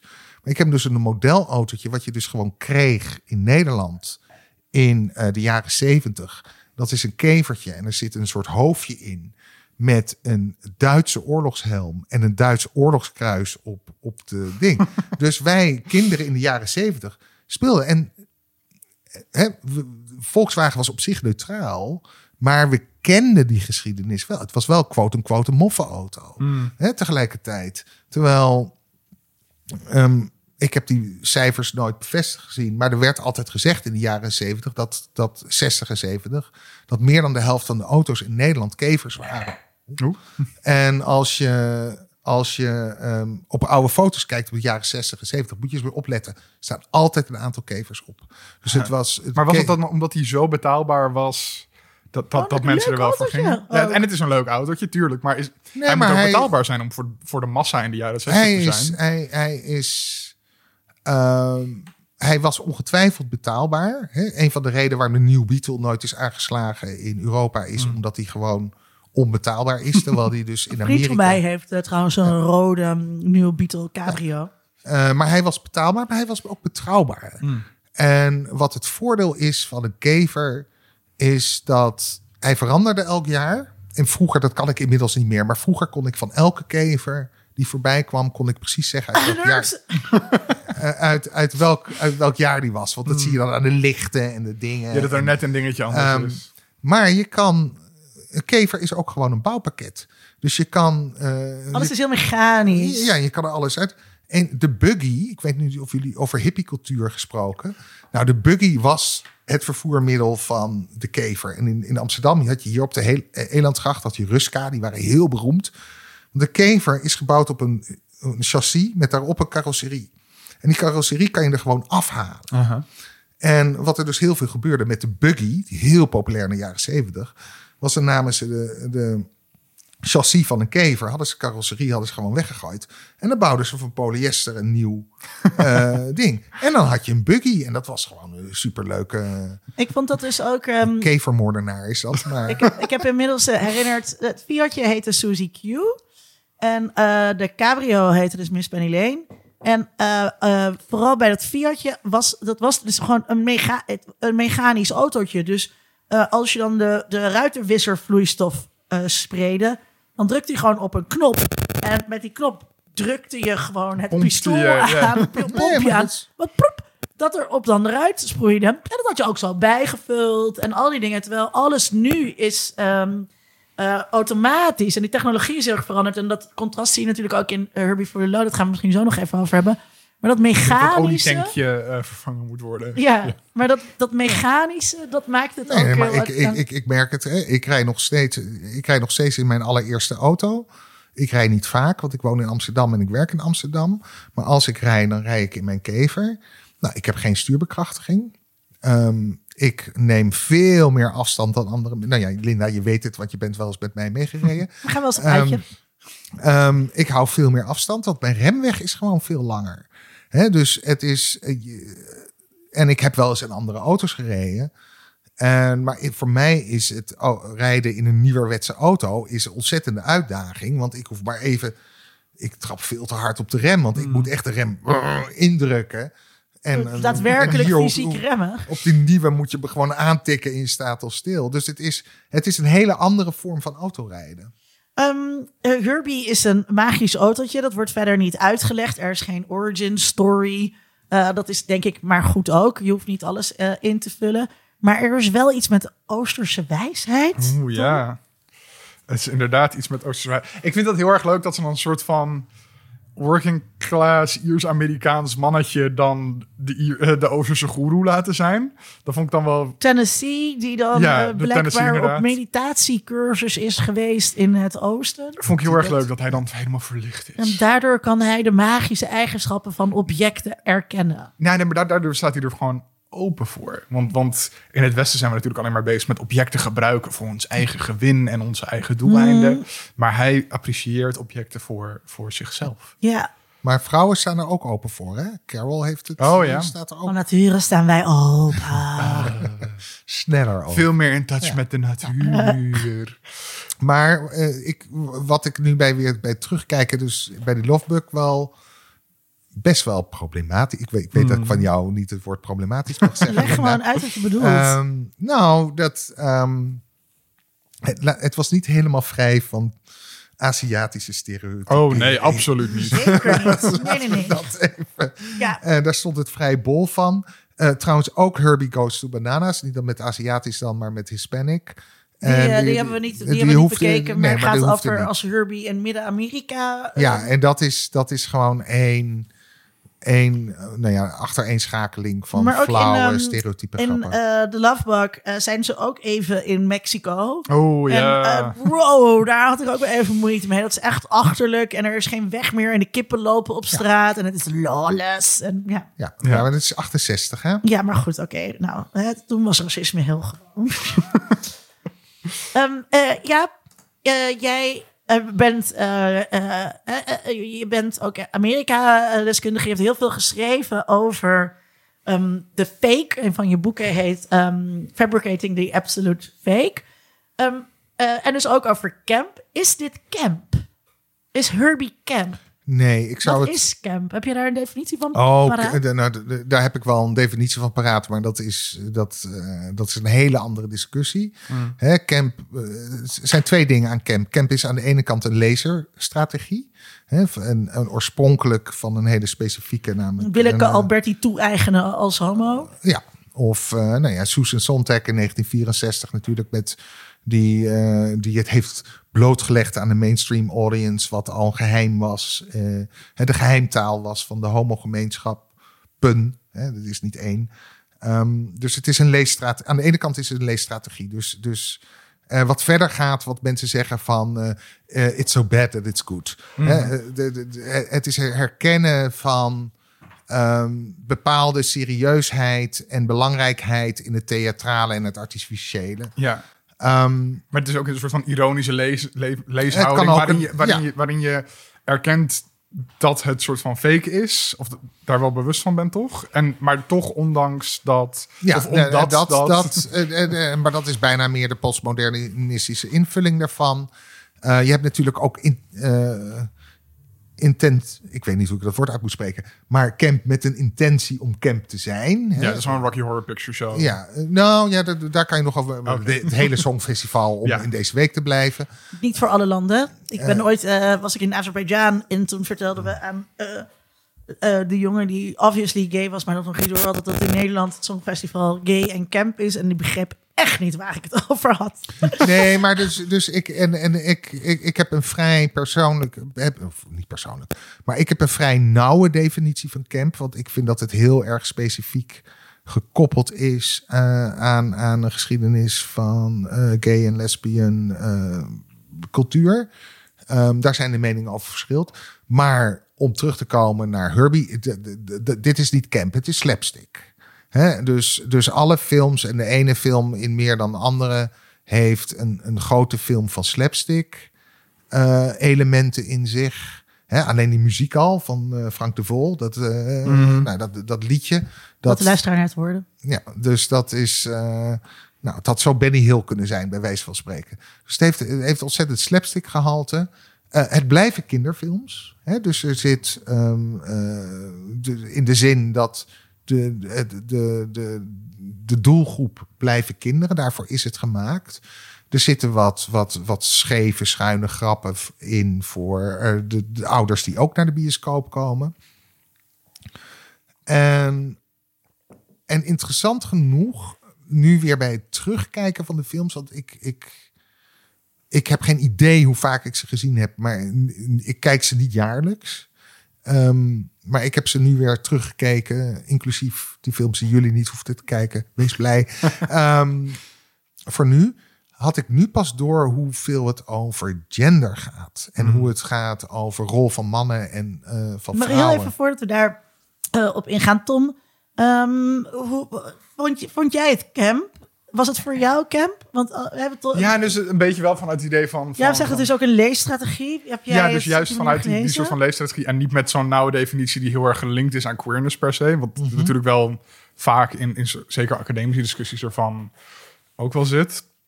Ehm, maar ja, dat dat je natuurlijk wel gewoon ervan kan genieten. Omdat het over de top is. Omdat het slapstick is. Omdat het gewoon een beetje flauwig is. En, en een beetje nu zou een Herbie niet meer gemaakt worden. Want nu zouden we zitten van dat is allemaal te... Of zo. En elke Wordt keer er dat überhaupt muziekje... nu nog slapstick gemaakt? Nee, bijna Ja, maar dit zit, dit zit. Ik vind het wel interessant hoor. Want, ehm, want ik heb ook wel eens mensen horen. Nou, Jack Halberstam volgens mij over eh, Square Spons. eh, hoe heet die nou? Square Pop. SpongeBob Square, uh, SpongeBob Ja. SquarePants, ja. Als, als, als queer camp en zo. En dat zie Ja, dat ik wel. wel, En ja. ik, ik heb toen toevallig ook die musical gezien. eh, voor een hele andere reden. Dus dat zie ik wel. Maar ik zie dat echt, Nee, ik zie ik dat wel, echt niet bij Herbie. Het, het, het is... ehm, en ik zeg niet dat het queer moet zijn, maar ik, ik zie het enige campige wat je er misschien in zou kunnen zien is in eh, de remake uit 2005, hè, Fully Loaded. Overigens gemaakt door een zwarte lesbienne. Geregisseerd door een zwarte lesbienne. you know. Ehm, Angela Robinson. Ehm, is die rol van Matt Dillon. Ik vind daar in die rol van Matt Dillon, daar zit wel iets... Dat is de, dat is de bad guy. Ja, de bad? Ja. guy. eh, hoe heet hij ook alweer? Eh, Ja, die, die, Troy Murphy. die met de Cheetos. eh, Ja, ja dus, dus al- als er iets camp is in de hele Herbie gebeuren, dan zie ik dat in die remake uit 2005 in de rol van Matt Dillon. Mhm. Maar in Herbie zelf, ja, ik vind er echt. ehm, ja, ik zie er niks camperigs in. Nee, oké. Ehm, ja, je zei net al eh, even. eh, ik denk dat we toch alles maar gewoon algemeen gaan bespreken. En Misschien Ja. helemaal niet afzonderlijk. Ehm, We ehm, zitten nu ook al een uur in de aflevering, dus om nu nog Eh. individueel langs alle films te gaan. Ja, ja dat, maar, dat, maar dat maakt niet uit. Eh, gender eh, viel je op. Dat, dat valt mij natuurlijk altijd op. Maar wat, waarom viel het jou nu zo op? Nou, vooral omdat eh, de, de hoofdpersoon in Herbie the Love Bug, Carol, en de hoofdrol in, ehm, in Herbie Writes Again, Nicole, worden allebei geïntroduceerd met een klassieke shot eh, hè, uit de Postman Rings Twice. Hè, de eerste shot over Laurie Mulvey, het We Looked At Nest gesproken. Een shot van de benen. Hè, Ja. dat is, ze worden geïntroduceerd door een benen en de camera die dan langzaam Ja, als een soort van mooi lichaam om naar te Ehm. Bonjour! En tegelijkertijd zijn het allebei, en die tweede iets veel explicieter, want dat is 74 versus 68. Maar beide films gaan, eh, zijn de hoofdrollen, de mannen zijn hele onzekere mannen. Hè, De, de eerste man, Jim, ehm, eh, gespeeld door Dean Jones, eh, die is ontzettend zelfverzekerd, maar eigenlijk niet. En dan heb je Carol die, die hem leert door Herbie te accepteren. Al, samen met Tennessee, moet ik er meteen bij zeggen. Hè, le- leert hij zijn eigenlijke mannelijkheid beter te, te accepteren. Terwijl die eh, Willoughby ja, ontzettend sukkeltje is. En dan komt hij Nicole tegen. En dat is een stewardess die eh, met, meteen ook drie keer in elkaar heel, heel slaat. werelds, heel assertief. Ja, Ja. dus ze slaat hem ook letterlijk Ja. drie keer in elkaar. Maar keer ik vond, ik vond dus eh, Carol uit, eh, uit het eerste deel...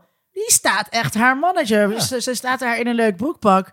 En dan zegt ze, may I? En dan trekt ze een overal aan. En vervolgens rolt ze zo onder die auto... en gaat ze dat allemaal even fixen. Het zijn best wel... ik zou niet willen zeggen feministische vrouwen. Linda, Ehm, is dit een feminist? maar het zijn het feministische films. Eh, maar het zijn wel sterke vrouwen. Het zijn die zeker die sterke absoluut zich onder gender eh, stereotypen, eh, die zich aan gender stereotypen onttrekken. Ja, en ook veel meer agency hebben voor de gemiddelde leading lady van die tijd. Ja. Maar ik vond ehm, eh, in, eh, in ehm, The Love Bug, ik had best wel een beetje, wow, rape culture much. Herbie rijdt ze dan, hè, want Herbie is natuurlijk de Love Bug en die geeft de Love Bug door. Wat trouwens ook heel duidelijk in eh, Herbie Fully Loaded zit. Daarin speelt Herbie ook de matchmaker. Ja, die zorgt klopt. er ook voor dat ze bij elkaar komen. Maar hij rijdt dan dus die ehm, eh, Jim en, eh, en, eh, en Carol naar, Love Lane. hoe heet het nou?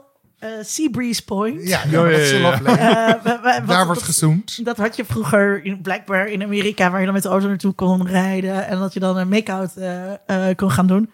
Eh, en dat was, ik dacht wel, oké, dit is best wel niet oké. Terwijl in, eh, in Herbie Fully Loaded, ehm, dan wil die ene jongen, die wil haar ook begluren.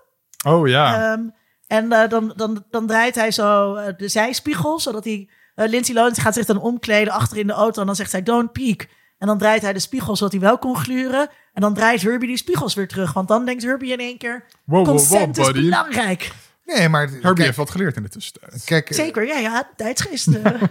kijk en, dat is, en ze- zeker dus in de drie films waar we het over hebben. Ze eindigen allemaal, hij is een matchmaker. Het eindigt ook met huwelijk. Hè, dat, Maar in de eerste twee, ja. ja, en, en, en dat is ook, eh, en dat is geen excuus. Maar dat zijn wel de films van die tijd. Hè? Dus dat is, eh, eh, de, de- de- hoe wil je een Disney... Het, en by the way, het zijn Disney-films. Ja. Hè? Dat hebben we nog geen eens benoemd. Ja, het zijn ja. allemaal Disney-films. Dus het is Disney-films eindigen met het huwelijk. Hmm. Zeker toen. Ehm, maar ik vond ze opvallend sterke personages.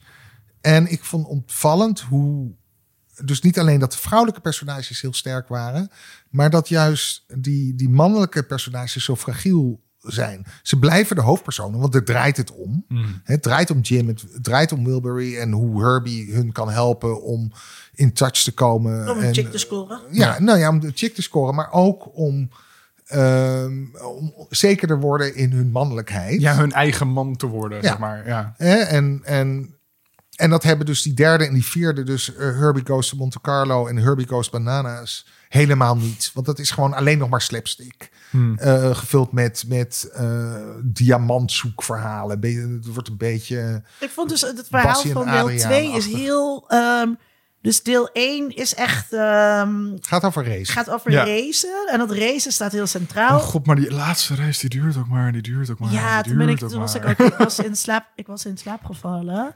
Ja, toen dacht ik, zal ik mijn dit nog generatie terugkijken? Ging het ik, heel nou, snel. Nou ja, maar het was ook wat ik zei, ook in mijn opening. Eh, dit zijn dus wel films, ik bedoel, we zijn wel in de bioscoop uitgekomen, maar het zijn wel films waar je heel makkelijk bij op tv kan invallen. Je, je, Ja. bedoel, je bent, je, als je dit dan aanzet, denk je, oh nee, oh, magische auto, oh, oké, dit is het plot. Ja. Ja, ehm, Ja, maar het is, de, de- de grap is, en ik weet dus niet of dat ehm, bewust zo is gedaan. Want ik weet helemaal niet toen ze de Love Bug gingen maken, of ze toen al met een eh, sequel in gedachten, want die kwam pas zes jaar later. Maar dat speelt dus zich af in die brandweerkazerne. Dat is de home waar. oh ja, eh, dat is ook echt, daar, daar- ja, daar gaat het helemaal niet meer over racen. Het is echt heel, het heeft eigenlijk niks met Nee, maar er staat, maken. de, de, de, er staat dus in, in de Love Bug, in de eerste film, staat een bordje van hier worden appartementen gebouwd. Ah. Dus dat is al een hint naar die tweede. Het zaadje was al geplant. Ja, al dan niet volgens mij wel, want daar gebeurt in die film gebeurt daar niks mee. mee. En, en nogmaals, voor mij de tweede Herbie film is voor mij de Herbie film. Ja. En, Is ook de eerste die maar waarom echt is, hij, dat, is, is dat dan een meer Herbie-film dan de eerste? Nou, dat, dat kan te maken hebben omdat het gewoon de eerste film is die ik heb gezien. Eh, ten tweede omdat daar de scène in is die voor mij alles omvat wat, wat, wat mijn autoliefde is. Hè, je hebt op een gegeven moment, om, om het heel kort te zeggen, ehm, de brandweerkazerne waar de, de oude vrouw Steinmetz woont. Die eh, wordt door Hawk, dat is de kwade man, Ja, we gaan het zo Ehm, nog even hebben over de villains. ja. Ehm, eh, Alonso Hawk, die overigens een personage is uit een eerdere film. Uit Ja. een heel totaal andere Uit Flubber, film. toch? Ja. Ja. Ehm, eh, maar die, die gaat dan eh, stiekem dus ehm, dat huis slopen. En dan gaat Herbie al zijn vriendjes oproepen. Hmm. En dit was de scène die herinner ik. Ik was toen vijf, zes jaar oud. Ik kan me deze scène nog zo goed herinneren. Dan gaat hij ehm, de. En ik heb hem later nog een keer gezien. Maar ik weet nog dat ik toen helemaal onder de indruk was. Dan, Ja, dan gaat, hij, ook helemaal. gaat, gaat hij al zijn vriendjes ophalen. En dan krijg je zo'n hele stoet van kevers. Waaronder eentje van de autosloop. Die Ja. dan zo, zo Daar krijg je echt vier shotjes van. en, en, dan, en ook eentje met een heel slecht gedaan trouwens, eh, cinematografisch technisch, van een kever waar dan een zoenend stelletje achterin zit. Ja, dat is gewoon een stil, toch? Ja, Dus dat zien is stil. Dat is heel, heel pijn. Maar, maar dat idee, hè, en voor mij, en moet je nagaan dat ik op die leeftijd totale fascinatie had voor auto's, maar auto's ook zag gewoon als wezens Mhm. met persoonlijkheden. Voor mij was dat, dat die collectiviteit, al, zo noemde ik het toen natuurlijk niet, maar al die auto's die samenkwamen om te strijden tegen het kwaad. Geweldig. En ik heb het dus voor deze aflevering, of de- deze podcast, heb ik hem nog een keer weer gekeken. En ik had weer datzelfde gevoel bij die scène. Wauw. En dus- ik het had is dus heel prachtig. erg, Cars Ehm. Against Injustice. Ja, nee, maar ook die saamhorigheid. En dan ook oh, die ene van de sloopauto. Die, die, en, en, en- ja, en dat zijn allemaal kevers, ja. Ik heb, ehm, eh, eh, ik heb deze film dus eerder gezien, want wat ik me herinnerde was. eh, er zitten in, in. Dus ik ben het misschien wel met je eens dat deel 2 meer Herbie is dan deel 1. Er zitten heel iconische scènes in eh, als ehm, eh, Herbie omhoog gaat in het glazenwas. Oh, ja, ja. eh, apparaat. Dat is heel grappig. Herbie is echt een, een, een actor. Dus ehm, het, is, het is gewoon een personage dat allerlei dingen doet die niks met autorijden te maken hebben. Soms is hij ook binnen. Hij kan dus mee omhoog, al die dingen. Hij rent de Golden Gate Bridge. En inderdaad, die, en die Golden, Golden Gate Bridge scène, wat wel ook een special effect aardig gedaan is. Dat hij dan helemaal zo langs de zijkant omhoog rijdt. En al die mannetjes gaan er dan te voet achteraan. wat heel raar is, want wat, wat, gaan, ze, wat gaan ze doen? Ehm, dat, dat eh, ik weet niet meer wat ik wil zeggen. Maar dat ik dat dus heel iconisch Herbie-achtig vond. Mhm. Laten we het even hebben over die ehm, vijanden. En eh, ik heb heel erg opgeschreven dat het over klassen eh, gaat. Hmm. Dus in die eerste ehm, eh, film, die Thorndike is daarin eh, de slechterik. Dat is de eigenaar van een, van een dure eh, eh, eh, auto, eh, autohandel. Europese auto's, hè? Europese Oh, auto's. Ja. En ehm, heel uptight ook. En wordt echt wel neergezet als een soort van upper class. Ja, En- aristocraat. Aristocraat. En ook de tweede film eh, begint, begint met die Hawk. Die dan ergens een sn- sno- met, met heel veel snode, snoodgelach er plezier in heeft om, ehm, om eh, dingen neer te halen. Eh, hij heeft ook altijd een chauffeur. Ook hij wordt als een soort upper class neergezet. Het is ook heel grappig. Er zit een hele random scène in dat hij dan in één keer in Italië is en langs het Colosseum rijdt. Ja. Eh, en dan zegt, oh, hier kan je een goed winkelcentrum neerzetten. En dan is hij meteen weer terug in Amerika. Wat voor villains zijn dit? Nou ja, precies wat jij zegt. Het zijn upper class villains die, die vanwege hun, hun geprivilegeerde positie en zijn, hun lucht, lust naar nog meer eh, gestopt moeten worden. Waarom- Door, door een, een waarom- nederige middenklasse man. Ja, Nou waarom zou Disney dit zo neerzetten? Wat voor boodschap spreekt daar dan uit? Nee, maar het zijn wel twee verschillende. Hè? De eerste is het hele snobistische, Hmm. bijna aristocratische, Europese high society Engelse persoon. accent ook. Ehm, die tweede is gewoon unbridled. Hoe zeg je dat in het Nederlands? Oh, sorry, ik weet niet hoe ik het in het Nederlands zeg. Ongeremd kapitalisme. Ongeremde kapitalist. Ja. Ehm, hè, dat is een cliché kapitalist. Hè? Ja. Dus dat, d- dat zit wel verschil. hè. En ik bedoel, een- die, die, die eerste snobistische man zou dat nooit over het Colosseum zeggen. Nee, hè, die nee, tweede zegt dat wel. Hè? Ja, ik bedoel, ja. het Colosseum is gewoon een oude ruïne die platgelegd moet worden en er moet een shoppingmall komen. Maar dat is dan gewoon het verschil tussen oud geld en nieuw geld. Ja, en het verschil tussen Europa en Amerika. Hmm. Wat hetzelfde is als oud-geld nu gaat. Ja, Oh. gedeeltelijk wel. Nee, maar ik bedoel, eh, die tweede is, ehm, eh, is echt een kritiek op wat je vaker ziet hè, in de Amerikaanse, eh, wat heel eens iets eh, cynisch is, want Hollywood is natuurlijk eh, de epitome of, of capitalist culture, die dan tegelijkertijd kritiek geven op capitalist culture. Op het verkeerde soort kapitalisme. Ik moest heel erg denken, Tom, aan eh, It's a Wonderful Life. die- Wat we besproken Ja. hebben voor de kerstafdeling. Had jij dat, aflevering, had jij dat ook? Ik had de link nog niet gemaakt, maar nu je het zegt, denk ik, ja, nee, natuurlijk. nee, maar dat ja, dat is precies hetzelfde, ja. Ja. Dus de gierigheid is slecht. Ja, dus excessen van het kapitalisme zijn slecht. En It's a Wonderful Life gaat natuurlijk ook heel erg over familie. En ehm, ik, ik moest daar dus heel erg aan denken. Ja, maar het is natuurlijk ook wel, in allebei de gevallen is het niet een anticapitalist die daar per se Zeker tegen niet. Nee, ik ga niet zeggen dat het een Eh, kritiek eh, op het Nee, kapitalisme nee, nee, is. dat, dat bedoel ik ook niet. Maar het is meer. Eh, een ander ideaal van Amerikaanse mannelijkheid dat er tegenovergesteld wordt van in This American Life. Iemand die goed in de gemeenschap ligt, zorgt voor de kleine man, dat soort dingen. En deze film is het iemand uit soort van het midden van het land, heel nederig, Goedgelovig. zorgt goed voor mensen, goed gelovig. Eh, ehm, dus dat- wordt een ander soort, soort Amerikaans nog steeds en een soort andere soort Amerikaanse mannelijkheid tegenover gezet. Ja. Nee, klopt. En het is ook niet voor niks. eh, hè, dus de, de mannelijke held is het neefje van de slechterik. Mhm. Hè, dus het zit, het zit in die familie en, en hij, hij laat die goede kant zien. Terwijl die, die eerste film, Jim, is meer eh, gaat over mm, eh, mannelijke competitie. En, en ding. Dus daar zit dat hele verhaal van de slechte kant van het kapitalisme en gentrification. Want daar gaat het eigenlijk over. Hè? Moet, Ja. moet, het, moet, moet En deel 2. ja, hè, moet, moet dat oude eh, ehm, brandweerhuisje, wat ook staat voor community en, en samen, moet dat plat gegooid worden voor een shoppingmall. Hè, en, en, de, en al die geschiedenis die daarbij hoort. Dus dat, dat zit er allemaal in. Moet je bij Hawk Tower niet denken aan eh, Trump? Nee, helemaal niet. Oh, dat Maar- dacht ik wel een paar keer hoor. Ook gewoon met, met die eh, Romeinse standbeelden dan op de achtergrond. Nee, maar het had, had heel goed gekund. Maar Ja. ik moest er toevallig niet aan denken. Maar het had heel goed gekund. Ehm, even kijken hoor. Eh, we hebben het daarover gehad. Ja, misschien moeten we het nog even hebben. We hebben het al een beetje wel gehad over eh, ehm, eh, Volkswagen Nazi-Duitsland. Maar Mhm. zijn deze films nou promotie voor...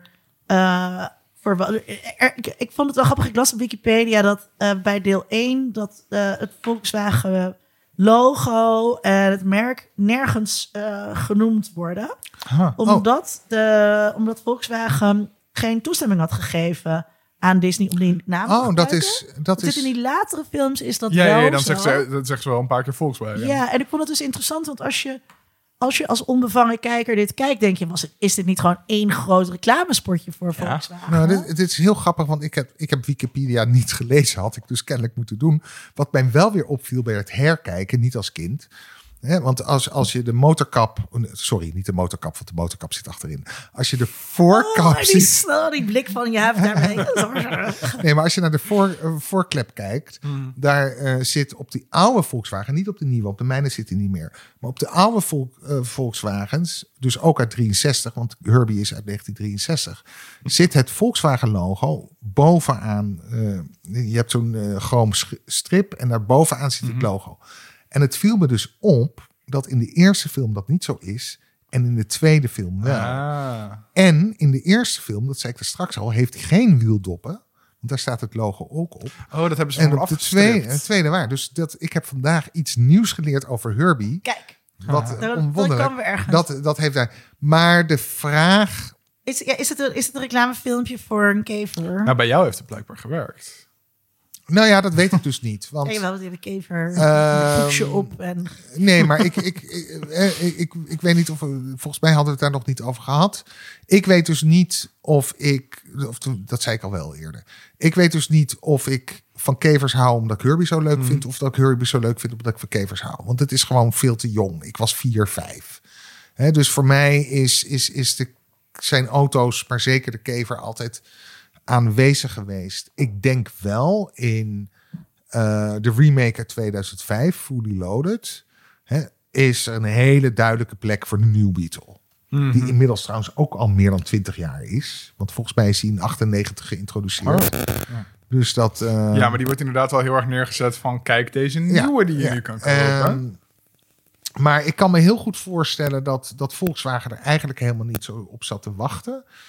En Het was ook best wel random, las ik op Wikipedia, dat ze uiteindelijk voor een kever hebben gekozen. Dus er waren een aantal eh, type auto's dat die, dat die kandidaat waren. En uiteindelijk moet vond toch vaker Wikipedia eh, lezen. dat... eh, ik kan me Herbie niet voorstellen als een andere auto. Nee, ik- Fiat ik was ook 500 niet. Nou ja, moet ik even, ik wil even weer terugkijken wat, welke andere dan Ja. eh, in Nou, maar kijk, de, de, de Fiat 500 die was nooit zo populair in Amerika.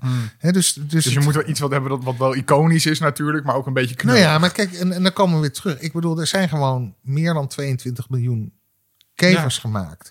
Dat is gewoon ontzettend veel. Dus, dus iedereen kent de kever. En eh, wat we ook al eerder hebben gezegd, hij, hij, hij symboliseert heel veel verschillende dingen. Ja. Ehm, dus hij kan een hippie-auto zijn en een auto van de gewone man tegelijkertijd. Ja. Dus er zit al die. ehm, dus wat is het aantrekkelijke van die auto? Is juist die, die invulbaarheid. Je kan er eigenlijk alles in stoppen wat je, eh, wat je zelf wil. En ik kan me gewoon niet zo snel een andere auto voorstellen die dat heeft. Maar dat komt Ik heb, natuurlijk het, ook. ik heb het ondertussen Ja. eh, gevonden. Ehm, before the film entered production, dit citeer ik dus van Wikipedia, the titular car was not specified as a Volkswagen Beetle, and Disney set up a casting call for a dozen cars to audition. In the lineup, there were a few Toyotas, a TVR, a handful of Volvo's, an MG, and a pearl white Volkswagen Beetle. Maar interesting, ze zijn dus The allemaal. Volkswagen Beetle was chosen because it was the only one that elicited the crew to reach out and pet it. Ja. Het is echt Ja, een soort heel. Sorry, ik schopte je. Het is, heel, het is een knuffelbaar autootje. En dat heb je natuurlijk niet met een, Ja. een Volvo. Heel, heel, je ziet heel vaak in die eerste, in de eerste film zie je ook heel veel mensen eh, eh, de motorkap een soort van, van eh, Nee, maar dat, aaien. dat durf ik eerlijk te bekennen, maar dat doe ik met mijn kever ook. Oh. Ik aai mijn kever ook als ik hem weer parkeer. Ehm, nee, maar de Volvo Kattenrug, die is ontzettend aaibaar. Eh, de Volvo Amazon is ontzettend aaibaar. Dus wat mij opvalt in dat lijstje wat je noemt, en ik had me toch meer moeten voorbereiden via Wikipedia, begrijp ik nu. Nou ja, dat heb Maar, ik al gedaan, dus ik had ehm, allemaal hetzelfde te Oh, zeggen. de Volvo Caterug is inderdaad heel erg aardbaar. Ja. Dat is echt een heel lief autootje. Ehm, oh ja. Maar wat me opvalt, is dat het volgens mij, als ik het me nu goed geluisterd heb, allemaal niet-Amerikaanse auto's zijn.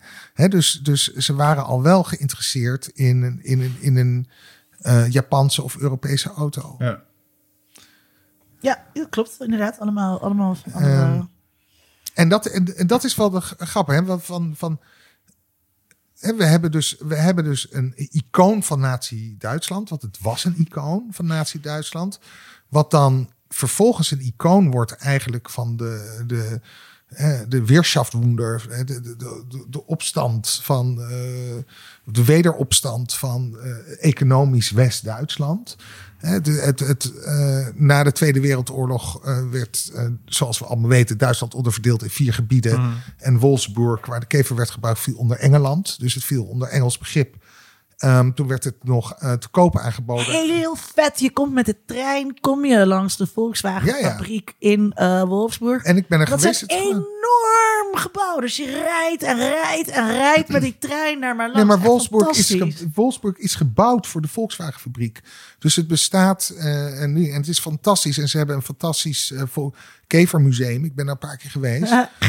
Maar ehm, en nu ben ik de lijn kwijt dat ik wou, eh, wou zeggen. Oh ja, ehm, ze hebben te koop aangeboden aan Ford. En na, meteen na de Tweede Wereldoorlog. En hij heeft allegedly gezegd... eh, dit product heeft meer gebreken dan een hond vlooien heeft. Dus Ford wilde het niet hebben. Daar heeft hij natuurlijk jaren spijt van gehad. Want het werd een gigantisch product. En Nederland was de eerste waar, eh, in 1949 met de gebroeders Spon uit Amersfoort. Die trouwens het eerste ontwerp voor het Volkswagen busje heeft bedacht. Ehm, maar ja, dat is terzijde. Eh, maar toen werd de kever voor het, eh, ge- ge- geëxporteerd naar Nederland. En daarna eigenlijk vrij geleidelijk over dingen. Dat is eigenlijk heel raar over je nadenken. Ik bedoel, hoe anti-Duits men waren in, in, in Nederland. En toch de kever zo snel heeft geaccepteerd. Dus heeft losgekoppeld van die geschiedenis van het nazisme. En Porsche, hè, dus papa Porsche, dus niet zo'n Porsche, heeft de, eh, de, de Porsche ontwerpen, ontworpen die oorspronkelijk ook gebaseerd is op de kever. Dus er is een family lineage eh, naar de Porsche 911 uiteindelijk. Maar papa Porsche heeft later ook eh, de Renault 4 ontworpen. Eh, maar heeft in de gevangenis gezeten in Frankrijk voor, eh, voor zijn nazi-praktijken om te helpen met de kever te Ja, ontwerpen. En toen voormalig nazi's die hebben natuurlijk altijd na de oorlog heel makkelijk een baan kunnen vinden overal in de westerse wereld. Nou ja, nee, maar hij moest, eh, die arme Henry, Henry Porsche, die moest dus voor de Fransen in, de, in balling of in gevangenisschap, dus de Renault 4 eh, ontwerpen. Dus de oude Renault 4, hè, ook Ja. die bollen. maar dit is nooit zo'n groot succes geweest. Maar het is ongelooflijk hoe succesvol die kever is geworden. En hoeveel betekenissen, want in Mexico heeft hij ook een hele eigen. Hè, Mexico, zowel Mexico en Brazilië, omdat zij, eh, zij mo- mochten geen auto's importeren. Dus eh, of dat, dat lieten ze niet toe. Dus Volkswagen heeft daar fabrieken gebouwd. In de, als je naar Mexico City in de jaren 80, 90 en nog in de 2000. Alleen maar kevers. Ik bedoel, Kever City. Ehm, daar heeft de kever een hele andere betekenis dan in Amerika. En dan die weer in Europa heeft. Dus het is fascinerend hoe, hoe één zo'n model, wat uiteindelijk gewoon maar een auto is, zoveel verschillende betekenissen kan hebben. Van nazi-symbool tot eh hippie-symbool. En alles wat ertussen zit. Ja. En de auto voor de gewone. Er is een prachtige reclame van. ehm, en dan, eh, van, eh, dan zie je zo'n eh, man op zo'n. zo'n hoe heet zo'n ding? Zo'n bulldozer. Nee, hoe heet zo'n ding wat sneeuw wegduwt? Een sneeuwschuiver. Sneeuwzuiver. ja, geweldig. En dan zie je een ding. En dan, dan komt er van. Hoe komt de man van de sneeuwschrijver bij zijn sneeuwschuiver? En dan zie je, hem, zie je zo'n kevertje rijden. Hè, dus de kever als de, de, De auto van de werkende ja, man. de underdog, maar die alles kan, die altijd betrouwbaar is, die nooit oververhit raakt, want hij is luchtgekoeld. Ehm die altijd start. Hier spreekt een fanboy. En, ehm, ja, dus ja, Ehm, als het dan geen reclame is voor de Volkswagen, is het dan eh, reclame voor Californië? Oh, 100%. In ieder geval voor, voor de regio San Francisco.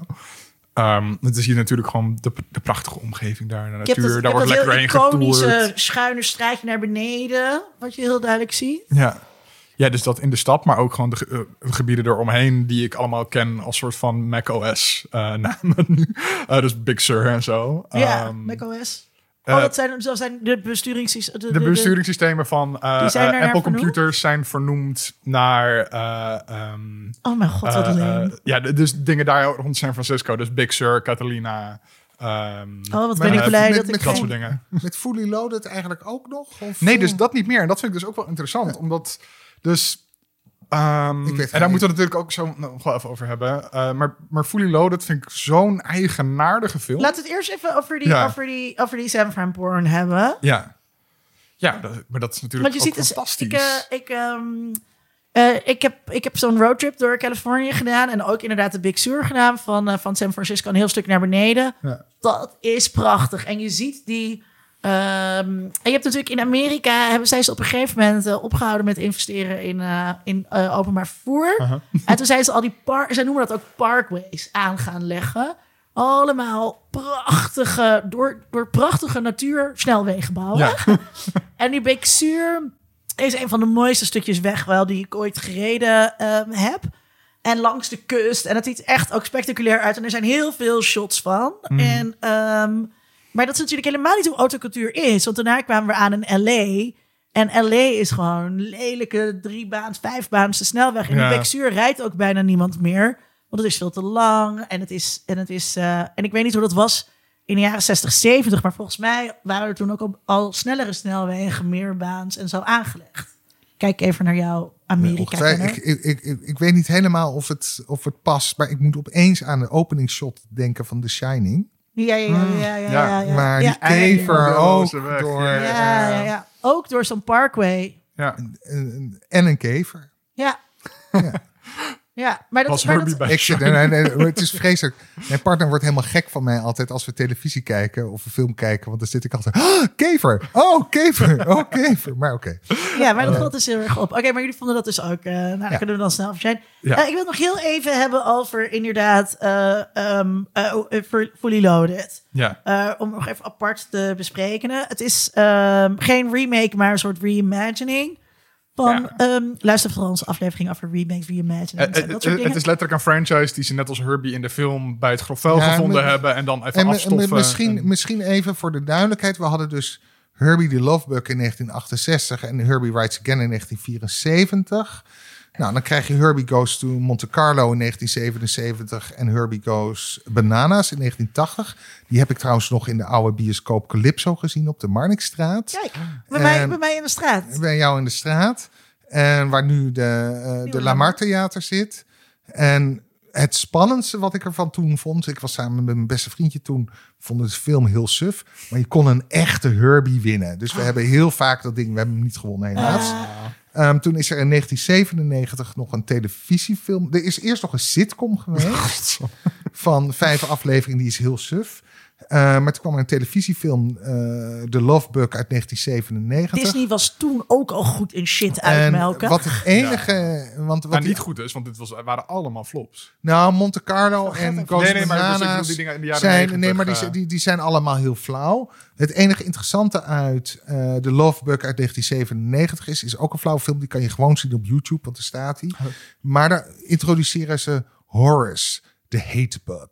Dus dan krijg je dus, je hebt Herbie, de Love Bug. Ja. en dan de zwarte, de, De zwarte, zwarte. Oh, kever, ja, de leuk. hate bug. En dan pas Waarom mochten jullie niet je- kijken van jou? Is niet meer te nou ja, vinden? nee, omdat jullie zeiden maximaal drie films. Nou, dat waren die drie. Nou, Nee, zeiden we. Nou ja, Nee, maar anyway, die moet je nog een keer terugkijken. Eh, nee, maar Herbie... En, en nogmaals, voor mij is Herbie Rides Again is de Herbie film. Herbie Love, The Love Bug is de originele. En ik vind Herbie Fully Loaded ehm, is de remake van Angela Robinson. Zwarte lesbische vrouw. Interessant eh, gegeven. Ehm, ik heb hem ooit gekeken met... Of weer gekeken, de DVD met commentaar van de director voor de tweede keer. De eerste keer vond ik het geweldig. De tweede keer wist ik niet meer waarom ik het zo geweldig vond. Maar het is best wel interessant. Ehm, maar, maar, maar dat is dus de hele franchise. Oké, maar even, hoe mislukt is deze reimagining? Nou, dus ik vind het niet een verschrikkelijke film. Dus, dus als film werkt hij op zich best aardig. Het is gewoon een soort het, flauwste formuleplotje wat je je kan bedenken. Alles is rete voorspelbaar, maar het loopt wel op zich. Maar als een Herbie-film zit ik echt van, waarom is, waarom is dit een Herbie-film? We zijn niet in San Francisco. Herbie heeft een veel kleine rol, heeft veel minder karakter. Ehm, en het gaat minder over matchmaking en zo. Het is allemaal een beetje van, waarom was het nodig om aan deze film Herbie vast te plakken? Ja, ik vond het dus... ehm, het begint direct... Aan het begin is direct al duidelijk dat Herbie magisch is. Terwijl in eh 1 en eh 2, 2... 2 begint heel anders. Dus aan, daar zit helemaal Herbie aan het begin niet of zo. Ehm, maar in 1 is, duurt het echt een tijdje voordat, het door, voordat je door hebt wat er met die auto aan de hand is. En we hebben het hier al vaker over gehad in de podcast dat ehm, eh, bij recenter, wat we ook in onze Jurassic Park aflevering, hoe recenter, hoe meer uitgespeld moet worden. Ja, Alles moet meteen uitgelegd en duidelijk gemaakt worden en niets Ja. wordt aan de verbeelding overgelaten. En dat is hier ook.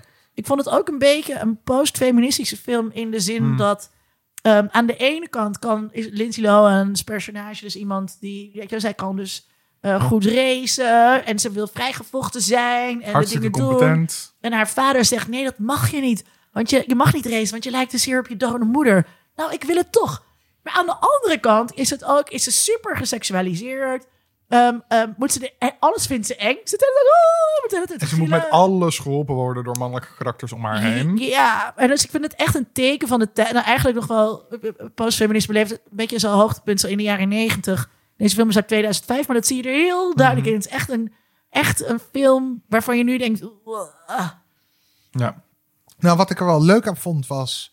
ehm, Lindsay tra- Lohan is natuurlijk ook gewoon heel sympathiek. Ja, Lindsay Lohan is heel leuk. Dat is zo... eh, eh, ook underrated, trouwens nog steeds. Ik denk, ik denk dat Lindsay Lohan underrated wordt als een, de actrice die ze is. Je speelt nu niet meer zoveel, hè? Nee, dat is helemaal... Maar ja, dat is een heel ander verhaal. Ehm, grappig van, dus, van die directors commentaren. Dan hoor je wat... Oorspronkelijk, eh, ze hebben die eerste scène waar die in geïntroduceerd wordt... hebben ze pas later toegevoegd. Ook later opgenomen, want in het begin kwam Herbie eh, helemaal niet voor. En dat vond de test audience heel vervelend. Ja, Dus dat zegt ook weer wat over de test audience. Wat ik wel heel erg leuk vond, is dat ze heel veel materiaal uit de vro- vroegere films gebruikten om een soort montagesequentie te maken van de geschiedenis van Herbie. Oh, in het begin, ja, ja, dus dat, dat, dat je meteen meegetrokken wordt. Het voelt ook alsof dat oud archiefmateriaal is. Dus in de zin Ja. dat het eh, eh, non-fictie archiefmateriaal Ja. is. Ja, ik vond het trouwens wel, dat doen ze ook al in die tweede film. Er zit een ellenlange montage van alles wat er in die eerste film gebeurd Ja, ja. is. En ik heb nog nooit zoiets highs gezien. Het was Ja. zo kut. Echt, daar kon ik niet tegen. Dus toen begon Ja, het maar deze film in- mee. Dat ik gelijk gewoon heel agressief van, nee, niet weer. Hou op. Nou, en dat de deuntje eronder. Oh, Van de, het is wel een heel aanstekelijk deuntje. ja. Van dezelfde schrijver die ook van de Supremes The Happening heeft gedaan. Dus als je de Happening van de Supremes kent, dan herken je, herken je dat, die stijl en die sound. Nee, maar ik, ik vond het juist wel, wel mooi. Maar wa- wa- waar we het helemaal in het begin over hadden. Het probleem van die film is. ehm, waar ik niet zo minder stil heb gestaan, wat jij nu zegt, Tom, is, is, is de rol die Herbie zelf speelt in, in het verhaal. Maar ik ergerde me vooral aan de mimiek die ze nu aan toedichten. Maar dat is ook zo uitleggerig. Ja. Ja, nee, en Ja, ze- ja. maar ze hadden, en, en dat, dat is weer fijn van die directors commentaar, wat ze zeggen, hè, wat ze zeiden, we, we hadden het helemaal, jullie, zijn hier veel meer thuis in dan ik, maar ze hadden het helemaal animated kunnen doen. En daar hebben ze niet voor gekozen. Dus ze hebben echt fysieke, Het zijn mechanische koplampen die, die ja, soort ze van hebben, en ze hebben gewoon, eh, en ze hebben wat animated effects, en vooral als die Herbie heel rare vormen aanneemt. Ehm, maar op zich, ze hebben nog 35 arme kevers vermoord om, om deze film te maken. Ehm, hè, dus allemaal, dus, dus dat zie je er ook nog wel aan af. Dus je ziet toch wel gewoon dat het de echte auto is. Maar wat ik echt jammer vind, waar we het helemaal in het begin over hadden. Dus de kracht van Herbie is juist in de non-mimiek. Het is gewoon een auto. En het is die auto die die persoonlijkheid heeft. En waar je als kijker inderdaad niet uitgelegd hoeft te worden dat hij dat. Dat neem je gewoon zo aan. Mm. En dat zie je en dat voel je. Of niet. Maar ja, dan werkt die film niet voor je. Maar voor degene voor wie die film werkt. ehm, ik zie Herbie meteen als een personage. En ik hoef geen bewegende eh, koplampen te. Ik bedoel, als je erover nadenkt, en dat geldt niet alleen voor Volkswagen, het geldt voor alle auto's, zelfs nog voor moderne auto's die ik heel weinig persoonlijkheid vind hebben. Maar als je kijkt naar de voorkant, het is gewoon een gezicht. Ja, Dus dat leest auto- elk kind leest in een auto in de koplampen Precies. ogen. Ja, dat is gewoon... Vroeger, je had vroeger, heb je misschien nog steeds wel op ehm, Instagram, zo'n hashtag I see faces. Mhm. Mensen zijn geneigd om overal gezichten in te zien. Ja, en zeker dat in we voor, automatisch. En zeker in voorkanten van auto's. Want het zijn gezichten. Het is letterlijk het aangezicht van de auto. Ja. Dus het is heel makkelijk om daar een, een, een, een, een vermenselijking in te Ja. zien. Zonder dat je dat er nog eens een keer dik bovenop hoeft te leggen. En daar ben ik het met je eens. Ik vond met Dylan personage ontzettend leuk. Rizal met Dylan. Eh, wel heel plat. En ik werd Ja. ook wel een beetje... Ik ging nog wel zo mee in de film. Hij dat- speelde dus wel met plezier en jeu. En dat, Ja. dat straalt hij Nee, wel maar en, en, en, en Lindsay Lohan ook in, in, in de beperkingen die ze die de rol haar oplegt. Want het is natuurlijk een. En Michael Keaton is ook goed. Nee, maar hij is goed in de rol die hij heeft. Nou, maar het ja. zijn hele platte Hij krijgt rollen. niks om mee te, mee te werken natuurlijk. Dus zit Precies, je toch maar dat al geldt, aan, dat maar geldt ja. voor, voor allemaal. En dat roept dus inderdaad een vraag op. Hè, dit is een franchise. Dit is hoeveel ruimte biedt zo'n franchise aan eh, iemand als Angela Robinson als, als regisseur en het ding. Ik denk dat ze veel meer ruimte hadden kunnen nemen dan ze hebben kunnen nemen. Ze hebben echt geen enkele ruimte. Dit is zo'n saaie, fantasieloze formulefilm. Ja. Ehm, Ben ik die dus, dus wel, hij werkt dus als een, ik ben niet verveeld als ik hem opzet of zo, omdat hij gewoon wel werkt. Ja. Maar dat, dat is het enige positieve wat je er eigenlijk over kan zeggen. Ja, nou, hij verveelt je niet als je ernaar kijkt. Nee. Het enige wat ik, waar ik, maar dat komt ook omdat ik van demolition derbies hou. Dus van au- What auto's. the fuck voor homo ben je? Ja. eh, ik Demolition Derby. Maar dat, hij- dat hij die body slam doet op die monster truck aan het einde, dat vond ik wel grappig. Ja, nee, maar dat, dat vind ik een hele leuke scène. Daar kan ik echt van genieten. Maar ja, de, de, de, de, de- de, de rest is een little bit... ehm, Maar en, waar, waar, ehm, eh, eh, sorry dat ik dit aan, aan die... eh ik Parker koppelde, maar waarom, waarom vind je dat Demolition al zo lekker? om, ja, dat, daar komt mijn... Hè, ik zei al, ik vond, ik, ik vond de sloopkever in, in Herbie Rides Again ook al geweldig. Ik, ik, ik, ja, ik heb daar gewoon wel iets mee. Ehm, ik heb gewoon iets met auto's die gebouwd zijn tussen jaren 50 en jaren 80. Dat is gewoon wel mijn limiet. Ik vind nieuwe auto's heb ik niks mee. Oude auto's heb ik heel veel mee. Uh, maar ik heb ook wel iets met die Demolition Derby. En, en trouwens ook met de achteruitrijraces met die dafjes vroeger. Dat vond ik ook fascinerend. Um, Dit was ook vroeger eindeloos op tv. Ja, Uh, van die trosprogramma's. Ja? ja. Waarin we daar... Oh ja, dat, En dat André van Duin als voice-over. Ja. Alleen maar, want de, de grap is, de DAF, wat een hele, anders dan de kever, een hele suffe auto werd gezien. Ja, ik vind de DAF fascinerend. Maar de, de, de DAF werd, werd altijd gezien als, als een, de auto van omaatjes. Onze buren vroeger, toen ik 4, 5 was, die hadden een Bordeaux-rode DAF. Ik zei dat ik wist, onze, eh, ik weet al die auto's nog. Maar eh, de DAF is een Variomatic. Dus die gaat net zo hard achteruit als vooruit. Daar Oh, komt dus die dan achter. kan je de achteruit rijden. Ja, en daar komt de achteruitrijrace aan. En dus dan had je al die DAFjes en iedereen, want dat waren oude autootjes, die kun je allemaal verrot rijden. Ehm, en later trouwens ook nog de Volvo, want Volvo heeft DAF overgenomen. Dus de Volvo 6 66 is gewoon een DAFje. Maar, en dan had je André van Duin, die deed dan de, de, de voice-over. En dan zag je dus al die autootjes. Vond ik geweldig, kon ik heerlijk naar Ik kijken. ben zo gedepriveerd opgevoed. hey, ehm, ik had het aan het begin al stelde ik, stelde ik twee vragen. Nu ga ik een beetje onder mediadoctorenachtig doen. De Ja, dat is wel heel erg eh, de, de vraag aan het einde van de aflevering Ehm, beantwoorden. Maar eh, Tom, jij had het nog nooit gezien. Nee. Eh eh, Jaap had dit aangedragen, dus je bent een beetje mee opgeschept. Zijn dit nou waardevolle films om gezien te hebben? Eerlijke antwoorden. Ja, ja, nee, dus ik ben aan het denken, dus gewoon, je moet je wel onderscheid maken tussen de oude films en de nieuwe film natuurlijk. De nieuwe film die kan bij het grof vuil, daar hoef je nooit meer iets mee. Je mag, mag er vergetelheid in. Maar die eerste film is toch gewoon wel leuk. Dat is gewoon, Die tweede film moet je zien. ja, nee. Herbie ook. Writes Again. Ja, maar die heb ik, ik heb ze allebei gekeken. Ja. Maar, ehm, Herbie Writes Again is echt wel de beste. Ja, vond je? Ik, ik vond één leuker. Oké. Ik, ik vond die wat charmanter. Ja, dat is zo gefocust alleen op dat racen. Ja, maar dat, dat zal Ehm, natuurlijk ook, ja. Maar ja, maar los nogmaals... van welke Tom, waarom, wat is er dan waardevol aan dat je dit gezien hebt? Want dit is niet per se Het, is iets- niet, het zit niet in de filmkanon of zo. Nee, en ook niet, het is ook niet iets waar heel veel in South Park of in andere films naar terug verwezen wordt. Ik, ik vond het heel leuk om, ehm, want het is natuurlijk een Disney-film, om te zien. Het is een van de eerste live actions die ze gemaakt hebben, toch? Na, na ook de dood van Disney en zo. Ehm, maar het ook, ook een, een, een ding in filmgeschiedenis vond ik er heel fascinerend aan. Dat, dat het een soort mix is van die humor die je van die Disney-cartoons allemaal kent. Met de slapstick en de overdreven emoties. Die daar in live action zit. En dat, dat zie je nu eigenlijk nooit.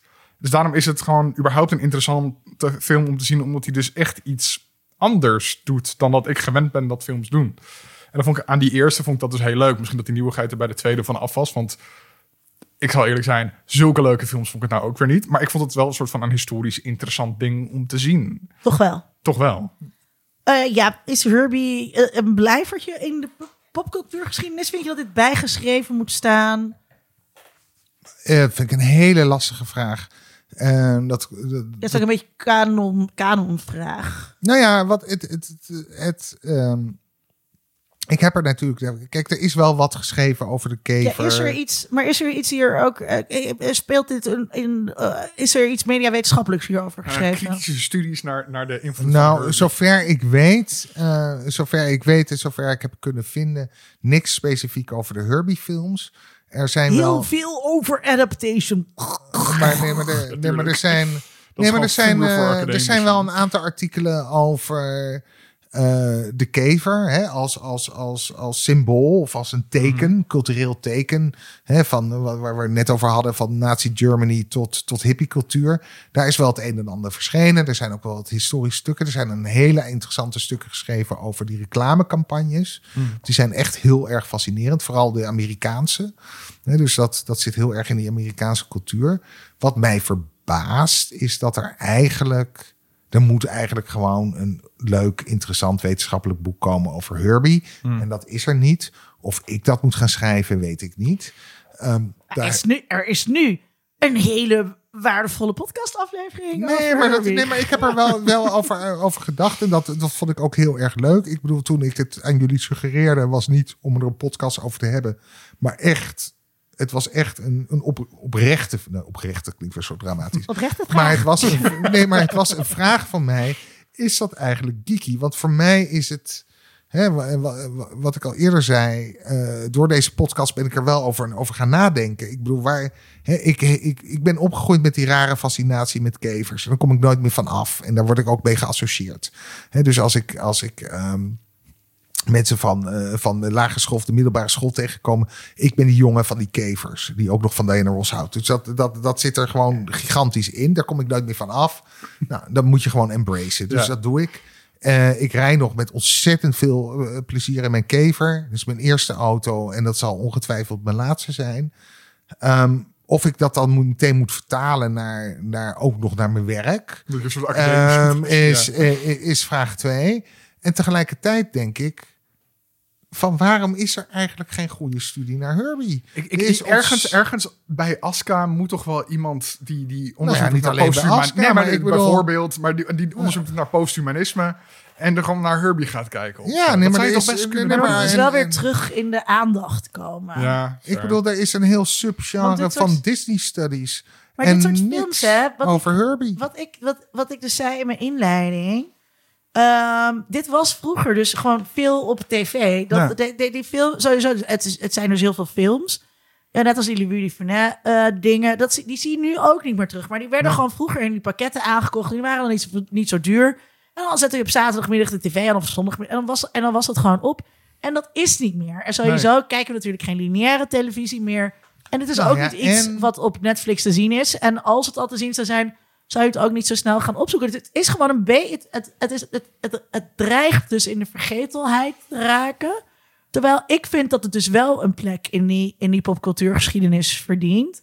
En wat voor mij ehm, juist ook, wat ik zo irritant en eigenlijk onpostmodern vind aan adaptation, is ehm, dat, het, dat het zo ehm, eh, diepte zoekt. Terwijl ik ben geïnteresseerd, ik vind eh, postmodernisme en poststructuralisme interessant en, en cultural studies interessant. eh, een beetje een vakgebied waar Jaap en ik een beetje in zitten. In dat eh, we eigenlijk geen onderscheid maken tussen eh, diepte en oppervlakte. Alles is betekenisvol eh, en interessant om te bestuderen. En dit is betekenisvol. Die films zijn betekenisvol. Ook al is het dus een beetje slapstick en lijkt het op het oog allemaal niet. En maar we hebben nu al best wel lang zijn we al bezig. Best wel lang zitten praten over klasse en gender. eh, in, wat En- in deze, en wat als, in als, deze als hier film literatuur zit. of filmstudenten naar luisteren. Ik bedoel, we hebben echt al een soort van zes aanzetten voor papers gegeven. Precies. Die jullie allemaal kunnen gaan schrijven. Ja, En, en we hebben nog geen eens de vraag besproken waarom die eigenlijk nummer 53 heeft. Ta, ta, ta. En, Ik weet het niet. ik heb daar wel iets over gelezen, maar dat is dan weer zo'n Wikipedia-ding. Dat vind ik dan niet, weer niet een paper Ja. waard. Ben ik mee eens. In a world. In a world. World. World. World. In a world. Nou, we zien dus sowieso uit naar meer kevers op straat. Deze zomer zie je misschien ook ergens Jaap en mij in Jaap's kever op uitje naar eh, iets ergens eh, in het land. Eh, we, we toeren uh, Coronaproef. Coronaproef. Gevaccineerd, hopelijk. Ja, ik zaterdag. Jaap al, als de luisteraar dit hoort, is Jaap al gevaccineerd. Ik hoop ook dat ik snel ga. Ehm, waar kijken we naar uit, Jaap? Oeh, waar kijk ik naar uit? Ehm, een nieuwe Herbie-film, maar ik vraag me af of die wel komt. Ergens is sowieso er, er op zijn minst drie scripten klaar ergens bij Disney Ja. om een reboot in te starten. Uiteraard, Toch? want Disney wil alles rebooten. Ja. ja, ik, ik, ehm, nou ja, wat ik zei helemaal aan het begin, ik, ben, ik zit nu in eh, de Underground Railroad. Daar zit ik voorlopig nog wel in. Dus ik, ik heb nog op een moment geen ruimte om ergens naar vooruit te kijken. Om iets anders te, vooruit te kijken. Eh, Tom. Ik kijk, net zoals van die ehm, vorige aflevering natuurlijk al zei, heel erg uit naar de heropening van de bioscopen. Ook omdat ik nu, dus met films die uit zijn, eh, die ik eigenlijk al online kan kijken, nu zet van nee, nog even niet. Want volgens mij kan ik binnenkort weer naar de bioscoop en dan wil ik hem dan zien. Ik mis wel echt. Ja. Ik heb daar ook toen ook. Ik, heb- ik heb er ook nog wel over nagedacht. Vorige aflevering hadden we natuurlijk met Sonny Kempkes Ja. over The Conjuring. En eh, toen realiseerde ik me hoe jammer het is dat ik die films thuis moest kijken Ja. en niet in de bioscoop. Nou, die derde kan je, als het goed is, deze zomer sowieso gaan zien. Gaan we sowieso met z'n drieën doen. Sowieso. Ehm, en ehm één film die nu al uit is, is van een Nederlandse maker. eh, de Oost van Jim Taihutu. Ehm, en die wil ik heel graag zien. En die staat nu op Amazon Prime. Ja, Ehm, maar ik wil hem niet op Amazon Prime zien. En ik wil hem ook niet downloaden. Ik wil deze film vol in de bios. Gewoon precies hoe die bedoeld was. En waarom dan specifiek ervaren. deze? Wat maakt Omdat het, dan... het een film is over de Nederlandse koloniale geschiedenis. Specifiek over de politionele acties, tussen aanhalingstekens, uh, brute slagpartijen van Nederland in, in Indië. Ehm, en dat is voor, echt voor de eerste keer dat het soort van een beetje kritisch verfilmd wordt. Waar Nederlanders dus niet per se de good guys zijn die heldhaftig met goede bedoelingen naar de oost gaan. Om eh, daar vrijheid en democratie en weet ik veel wat te redden. te Eh, brengen.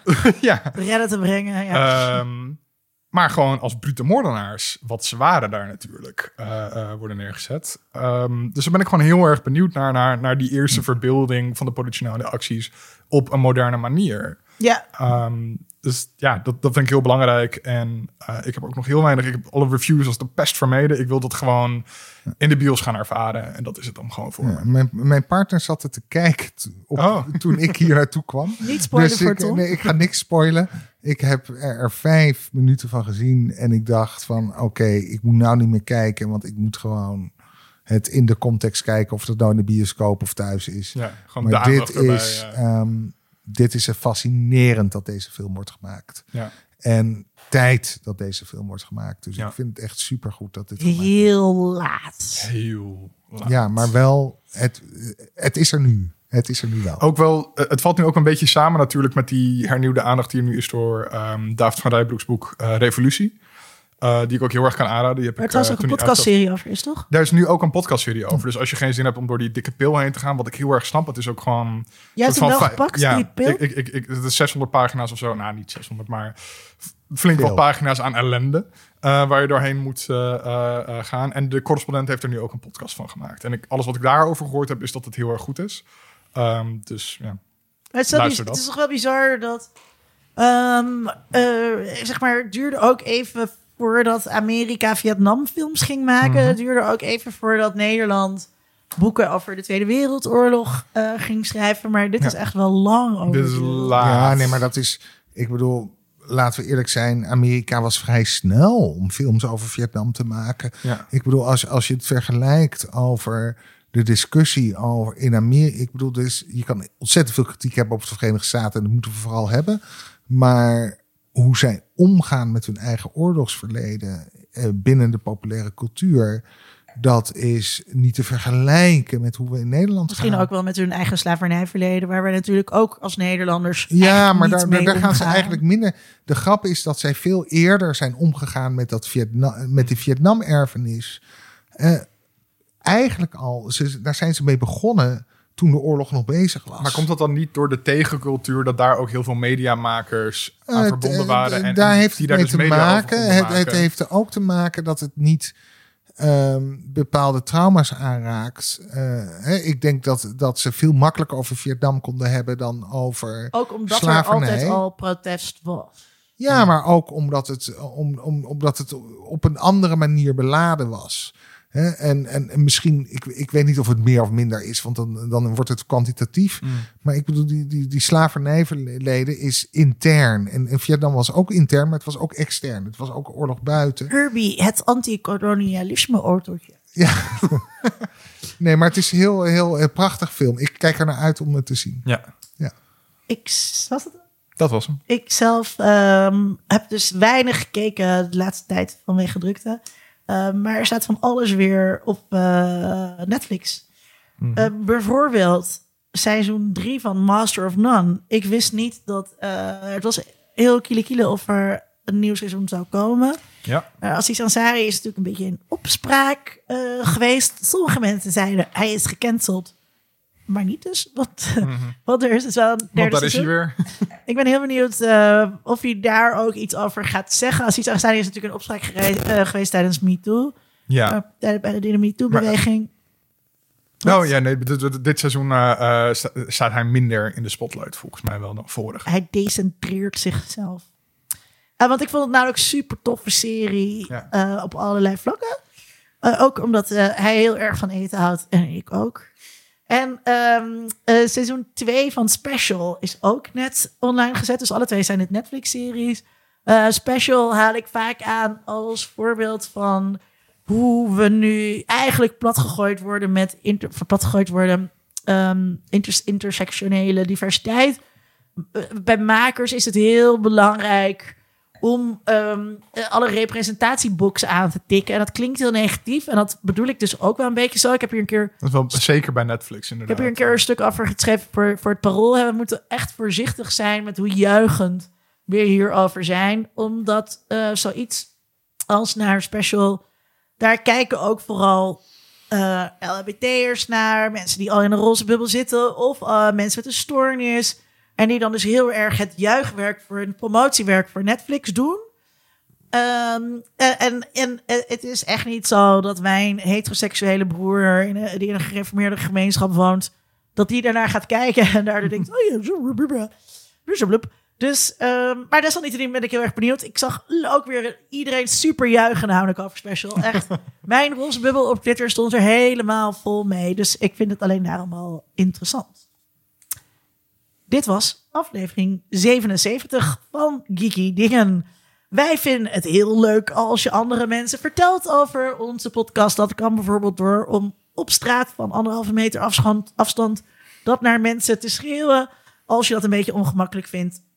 prijs ons dan gewoon op sociale media. eh, raad ons aan, dat vinden we heel erg leuk.